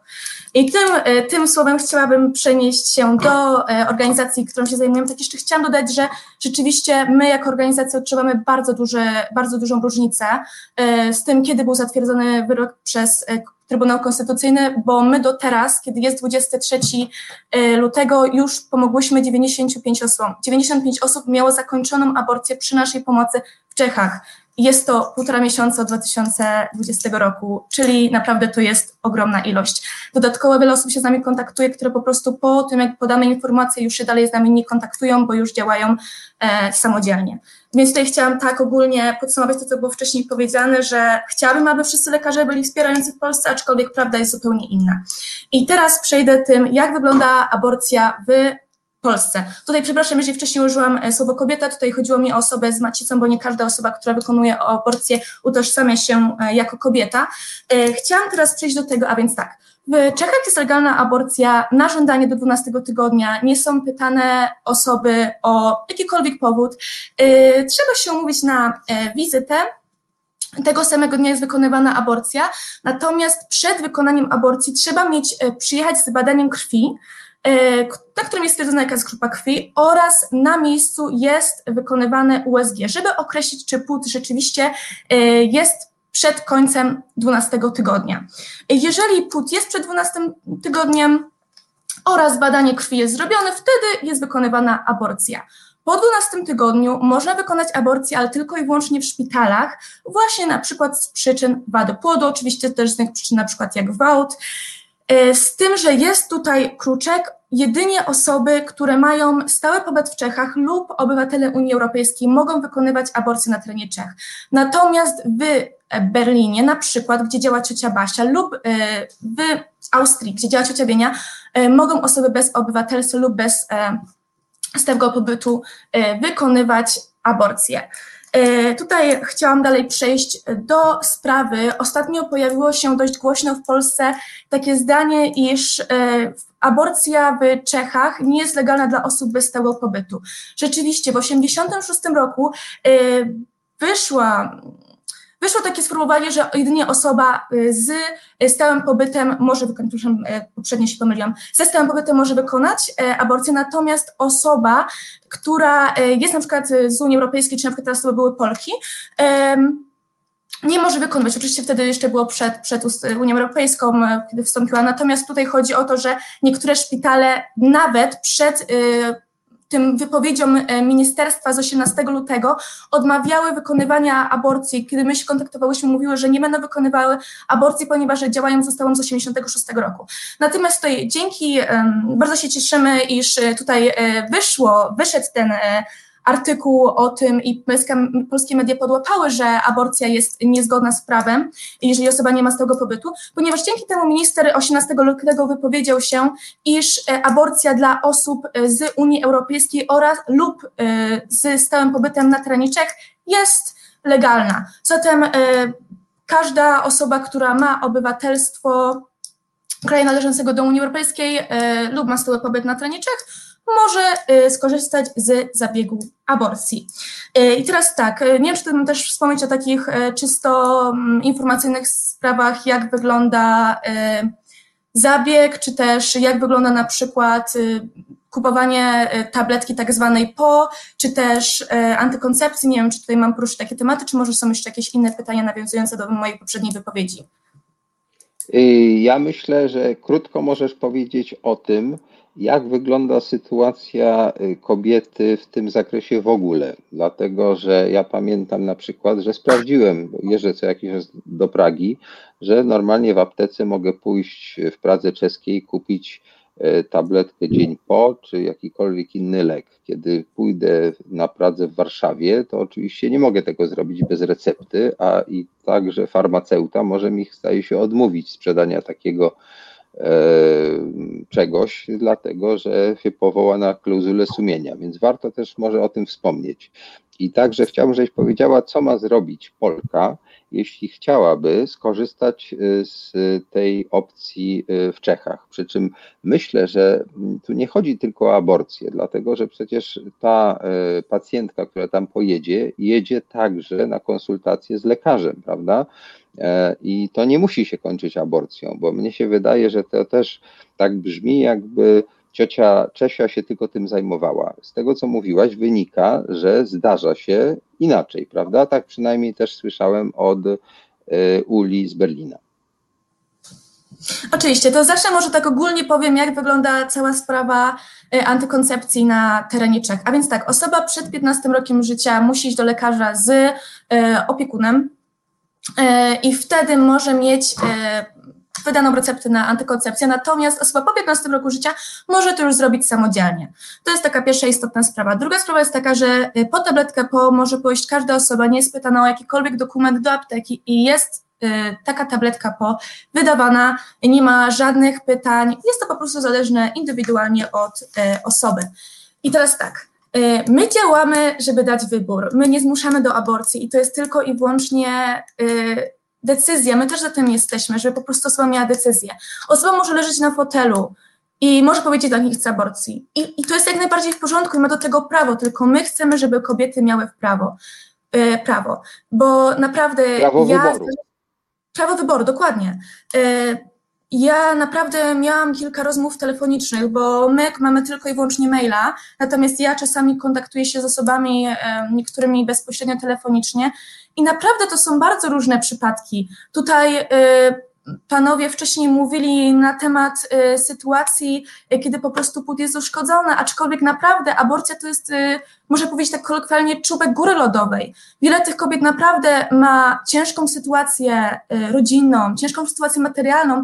Często po prostu te osoby też psychicznie mają różnego rodzaju problemy. Do tego często po prostu osoba nie chce mieć dziecka, kiedy naprawdę też dla osoby, która nie chce mieć dziecka, y, taka ciąża jest tragedią. I wydaje mi się, że tutaj też to jest warte do poruszenia, że naprawdę powody do aborcji są bardzo różne i nikt nie powinien oceniać drugiej osoby, ponieważ nikt nie jest w butach innej osoby.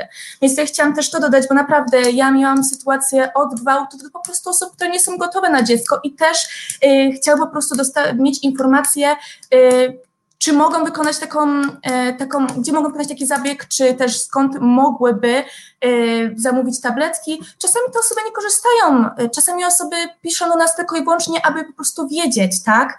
Więc my naprawdę zawsze jesteśmy po stronie osoby, która chce wykonać taką aborcję. My nigdy w życiu nie zmuszamy nikogo do tego, żeby wykonał taką aborcję, ale mi się wydaje, że naprawdę dla wielu osób sam fakt tego, że są organizacje, do których mogą się zwrócić ciężkiej sytuacji jest najważniejszy, bo często te osoby też nie mają nikogo, do kogo mogą się zwrócić w Polsce.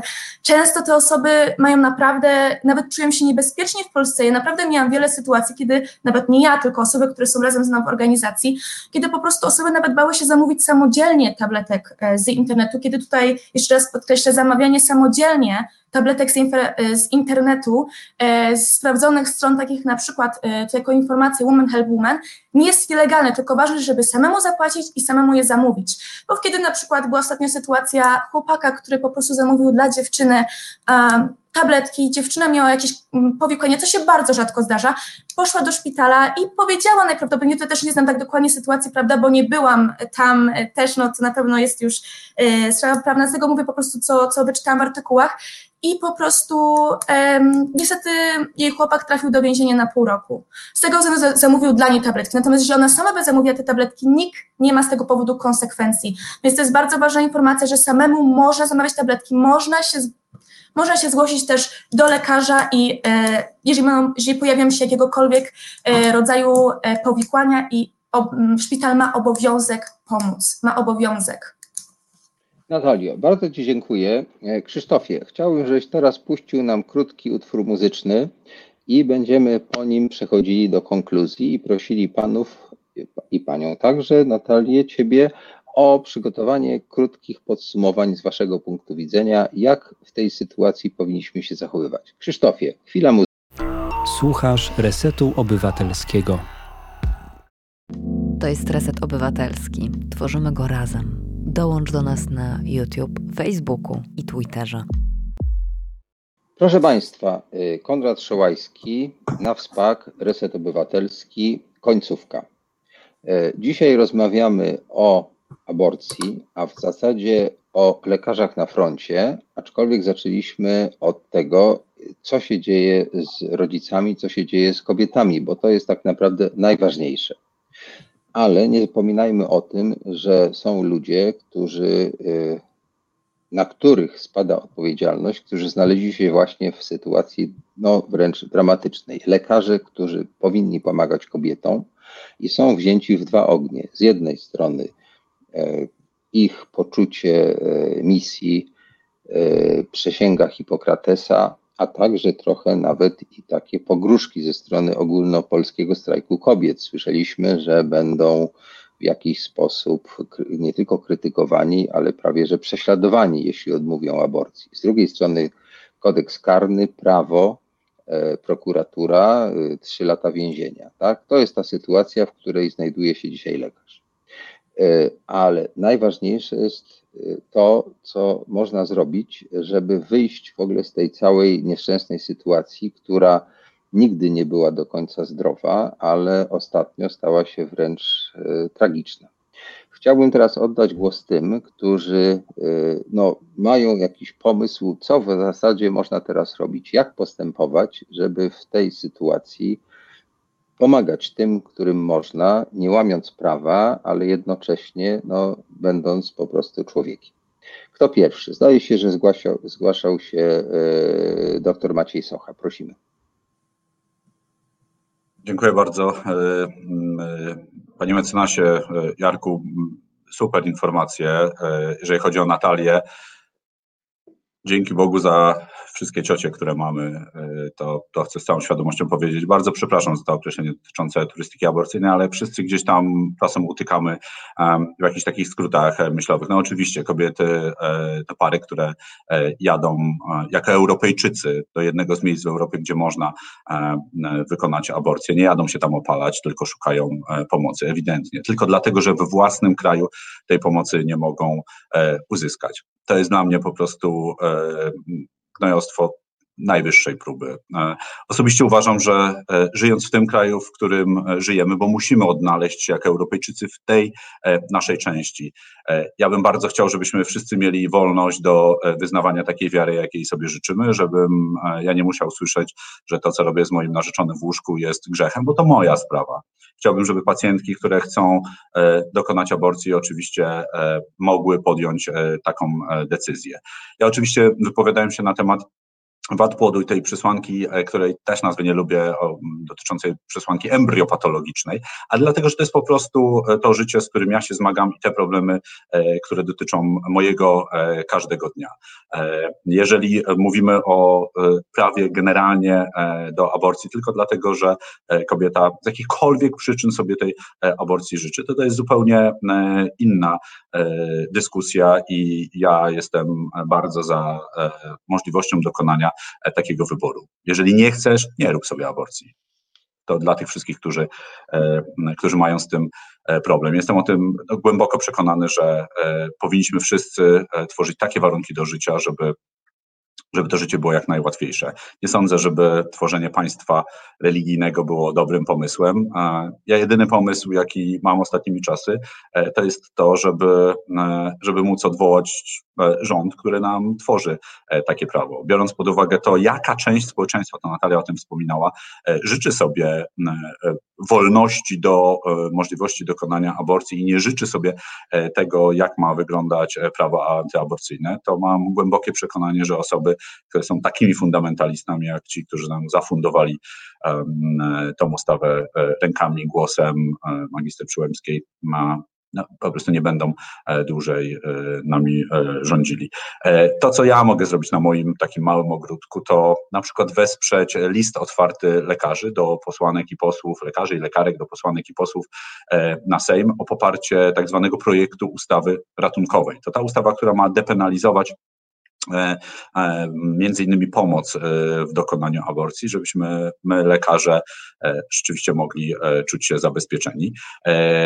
Jest taki mail, on jest lekarze.do.posłów.gmail.com i ten mail ma mm, służyć temu, abyśmy my jako lekarze wysłali swoje imię, nazwisko i prawo, numer prawa wykonywania zawodu jako poparcie tej ustawy, jako ten list otwarty lekarzy. Wydaje mi się, że to jest jest to, e, co my możemy zrobić. Ja chciałbym głośno i wyraźnie powiedzieć e, jedną rzecz, że e, w pełni szanuję to, że, że zdrowie kardiologiczne to taki skrót może trochę trudny do zrozumienia, jak i zdrowie psychiczne jest tak samo ważne.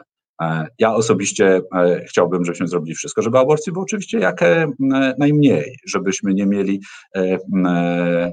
może inaczej, żebyśmy mieli doskonałą edukację seksualną, żeby ludzie wiedzieli, jak się zachodzi w ciąży, żebyśmy mieli antykoncepcję, a nie, że jesteśmy jednym chyba z trzech krajów, gdzie antykoncepcja postkoitalna jest na receptę, a sildenafil, czyli e, lek e, na wzwody jest dostępny dla facetów bez najmniejszego e, problemu. Chciałbym, żeby kobiety po prostu miały równe prawa, żeby rodziny, które zdecydują się bardzo, te rodziny szanuję i mają takie prawo na urodzenie dziecka z niepełnosprawnościami, dziecka chorego, żeby miały absolutne, gigantyczne wsparcie naszego państwa. I to jest to, o co sądzę, że kiedykolwiek to powiem, że o cokolwiek walczę, ale tak, chciałbym walczyć, chciałbym mieć szansę e, pomagać e, e, w tej kwestii. Uważam, że prawo do wyboru, do godnego życia, do podejmowania decyzji jest tym prawem nadrzędnym. Chciałbym, żeby Polska była w Europie w sensie myślenia i prawa. Dziękuję. Maćku, bardzo Ci dziękuję. Teraz e, kto z Państwa chciałby no, w tym podsumowaniu jakieś przesłanie nam tu jeszcze przedstawić? Słucham. Bo to ważne. Bardzo proszę, e, Natalia. Ja tylko w sumie chciałam dodać taką jedną informację, bo tutaj wydaje mi się, że pan doktor bardzo dobrze to wszystko przedstawił, że jeżeli jakakolwiek osoba, która potrzebuje pomocy, e, nie wie, gdzie się zgłosić, jest wiele organizacji jak ciocia Czesia, ciocia Basia, ciocia Wienia, aborcyjny Dream Team, Aborcja bez granic, gdzie można uzyskać jakichkolwiek informacji, e, co zrobić w danej sytuacji. I wydaje mi się, że to jest takie najważniejsze przesłanie, że my jesteśmy i jesteśmy gotowe do pomocy. Więc wydaje mi się, że to jest tutaj najważniejsza, najważniejsza rzecz ode mnie, że po prostu będziemy wspierały każdą osobę niezależnie od sytuacji i nie musi nam tłumaczyć. My po prostu jesteśmy za prawem wyboru, bo on powinien być dla każdego. Dobrze, to ja bardzo za to dziękuję. E, myślę, że informacja jest rzeczą ważną. Informacja nie służy, jak rozumiem, propagowaniu aborcji, ponieważ tak naprawdę chyba nikt przy zdrowych zmysłach jej nie propaguje. Natomiast daje szansę na to, żeby te osoby, które mają y, problem, mogły się zastanowić, mogły skorzystać z ewentualnej pomocy. Bardzo wyraźnie staram się to podkreślić, bo wydaje mi się, że bardzo często przy pomocy takiej propagandy oczerniającej mówi się, że to służy do tego, żeby coś propagować. Nie, to jest, myślę, po prostu prawo wyboru. Dobrze, y, który z panów najpierw, bo widzę, że obaj macie y, ochotę y, nam tutaj jeszcze ostatnie słowo dodać. Może najpierw poprosimy Sławka. Słuchamy. E, ja mam poczucie, że udało mi się przekazać to, co chciałem powiedzieć, bo w tym e, Twoim podsumowaniu, takim porównującym z czasami komunizmu i tymi zaświadczeniami do wojska, jest właśnie pewna pokrewna idea. I e, to, co chciałbym powiedzieć, że no, są wskazania ratujące życie i zdrowie kobiety. I tak jak tutaj pan doktor powiedział, tak, wskazówki, wskazania kardiologiczne, psychiatryczne są równie poważne. I one mogą istnieć. E, i wtedy absolutnie trzeba je z całą powagą traktować. Natomiast y, właśnie to ratowanie sytuacji, czy hmm, traktowanie psychiatrii jako pewien wytrych, wydaje mi się niezbyt właściwym y, sposobem i y, no, tak jak powiedziałem też, no, niedostatecznie wtedy z szacunkiem dla kobiet i, i ich bliskich. Bardzo dziękuję. E, myślę, że e, to jest istotne, żebyśmy po prostu zachowali szacunek do wszystkich lekarzy.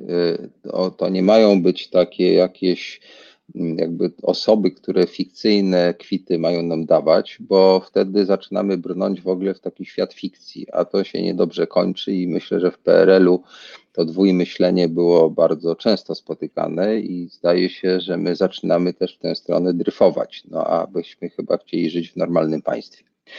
Y, bardzo proszę wobec tego przedstawiciela HFPC, y, mecenasa Jagurę, też o ostatnie słowo. Tak, y, dziękuję. Ja właśnie chciałem powiedzieć też trochę w kontekście tej odpowiedzialności karnej, potencjalnego tutaj, no właśnie wydawania zaświadczeń przez psychiatrów.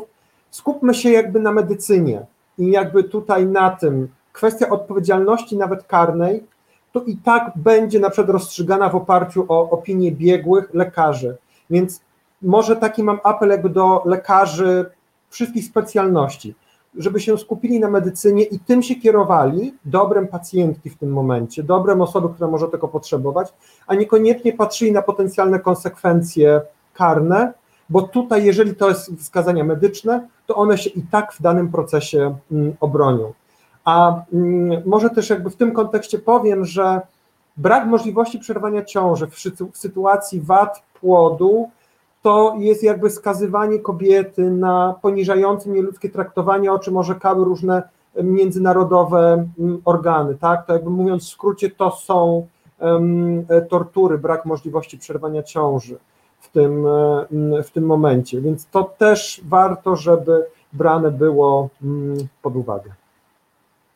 Bardzo dziękuję. Myślę, że y, nie wyczerpaliśmy tematu, ale przynajmniej trochę rozwialiśmy wątpliwości i mam nadzieję przekazaliśmy trochę informacji, no i także trochę emocji. Szczególnie tutaj jestem wdzięczny y, doktorowi Maciejowi, E, ponieważ potrafi o tym tak mówić, e, no, że ja w tym momencie nie mogę przerwać, za co bardzo przepraszam, ale byłem poruszony i bardzo Ci dziękuję za, za, za te emocje, bo to ważne, żebyśmy rozumieli, że lekarz też coś czuje, tak? że to nie jest tylko facet ze skalpelem albo z receptą, tylko człowiek. Tak? i pacjentka musi z nim wejść w jakiś dialog. On chce jej pomóc, ale ona też musi go zrozumieć. Myślę, że to ważne. Bardzo Myślę, Państwu dziękuję. bardzo dziękuję za zaproszenie. Chciałem powiedzieć, że bardzo dziękuję za zaproszenie. Uważam, że nie da się inaczej pracować, jak tylko w, no, angażując też emocje. Bardzo dziękuję, że daliście Państwo radę wysłuchać. Jasne, więc słuchajcie, moi drodzy goście, yy, Natalio, Jarosławie, Sławku i Macieju. Jesteście fantastyczni, to znaczy daliście, myślę, naszym odbiorcom, którzy bardzo tutaj ciekawie, tych ciekawych, a także emocjonalnych wypowiedzi Waszych słuchali i, i, mnóstwo emocji w czacie też tutaj się znalazło i myślę, że to dobrze, bo to nie jest sprawa, do której można podchodzić bardzo spokojnie, a z drugiej strony powinniśmy.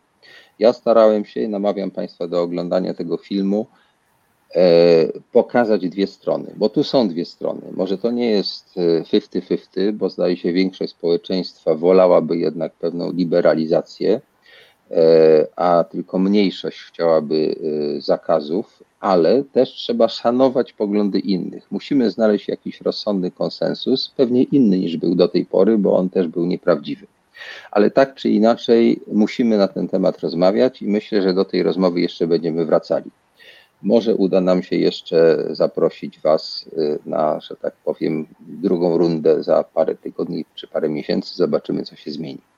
W każdym bądź razie jeszcze raz dziękuję zarówno Wam, jak i słuchaczom, którym przypominam, że istniejemy dzięki Waszej e, szczodrości, a także bardzo dziękuję grupie Rabarbar, która dzisiaj produkowała nasz program. I zapowiadam, że e, za tydzień naszym specjalnym gościem będzie Agnieszka Holland, z którą będziemy rozmawiali o wielu ciekawych sprawach. Bardzo dziękuję za udział w dzisiejszej rozmowie. Życzę Państwu dobrej nocy. Reset Obywatelski. Podobał Ci się ten program?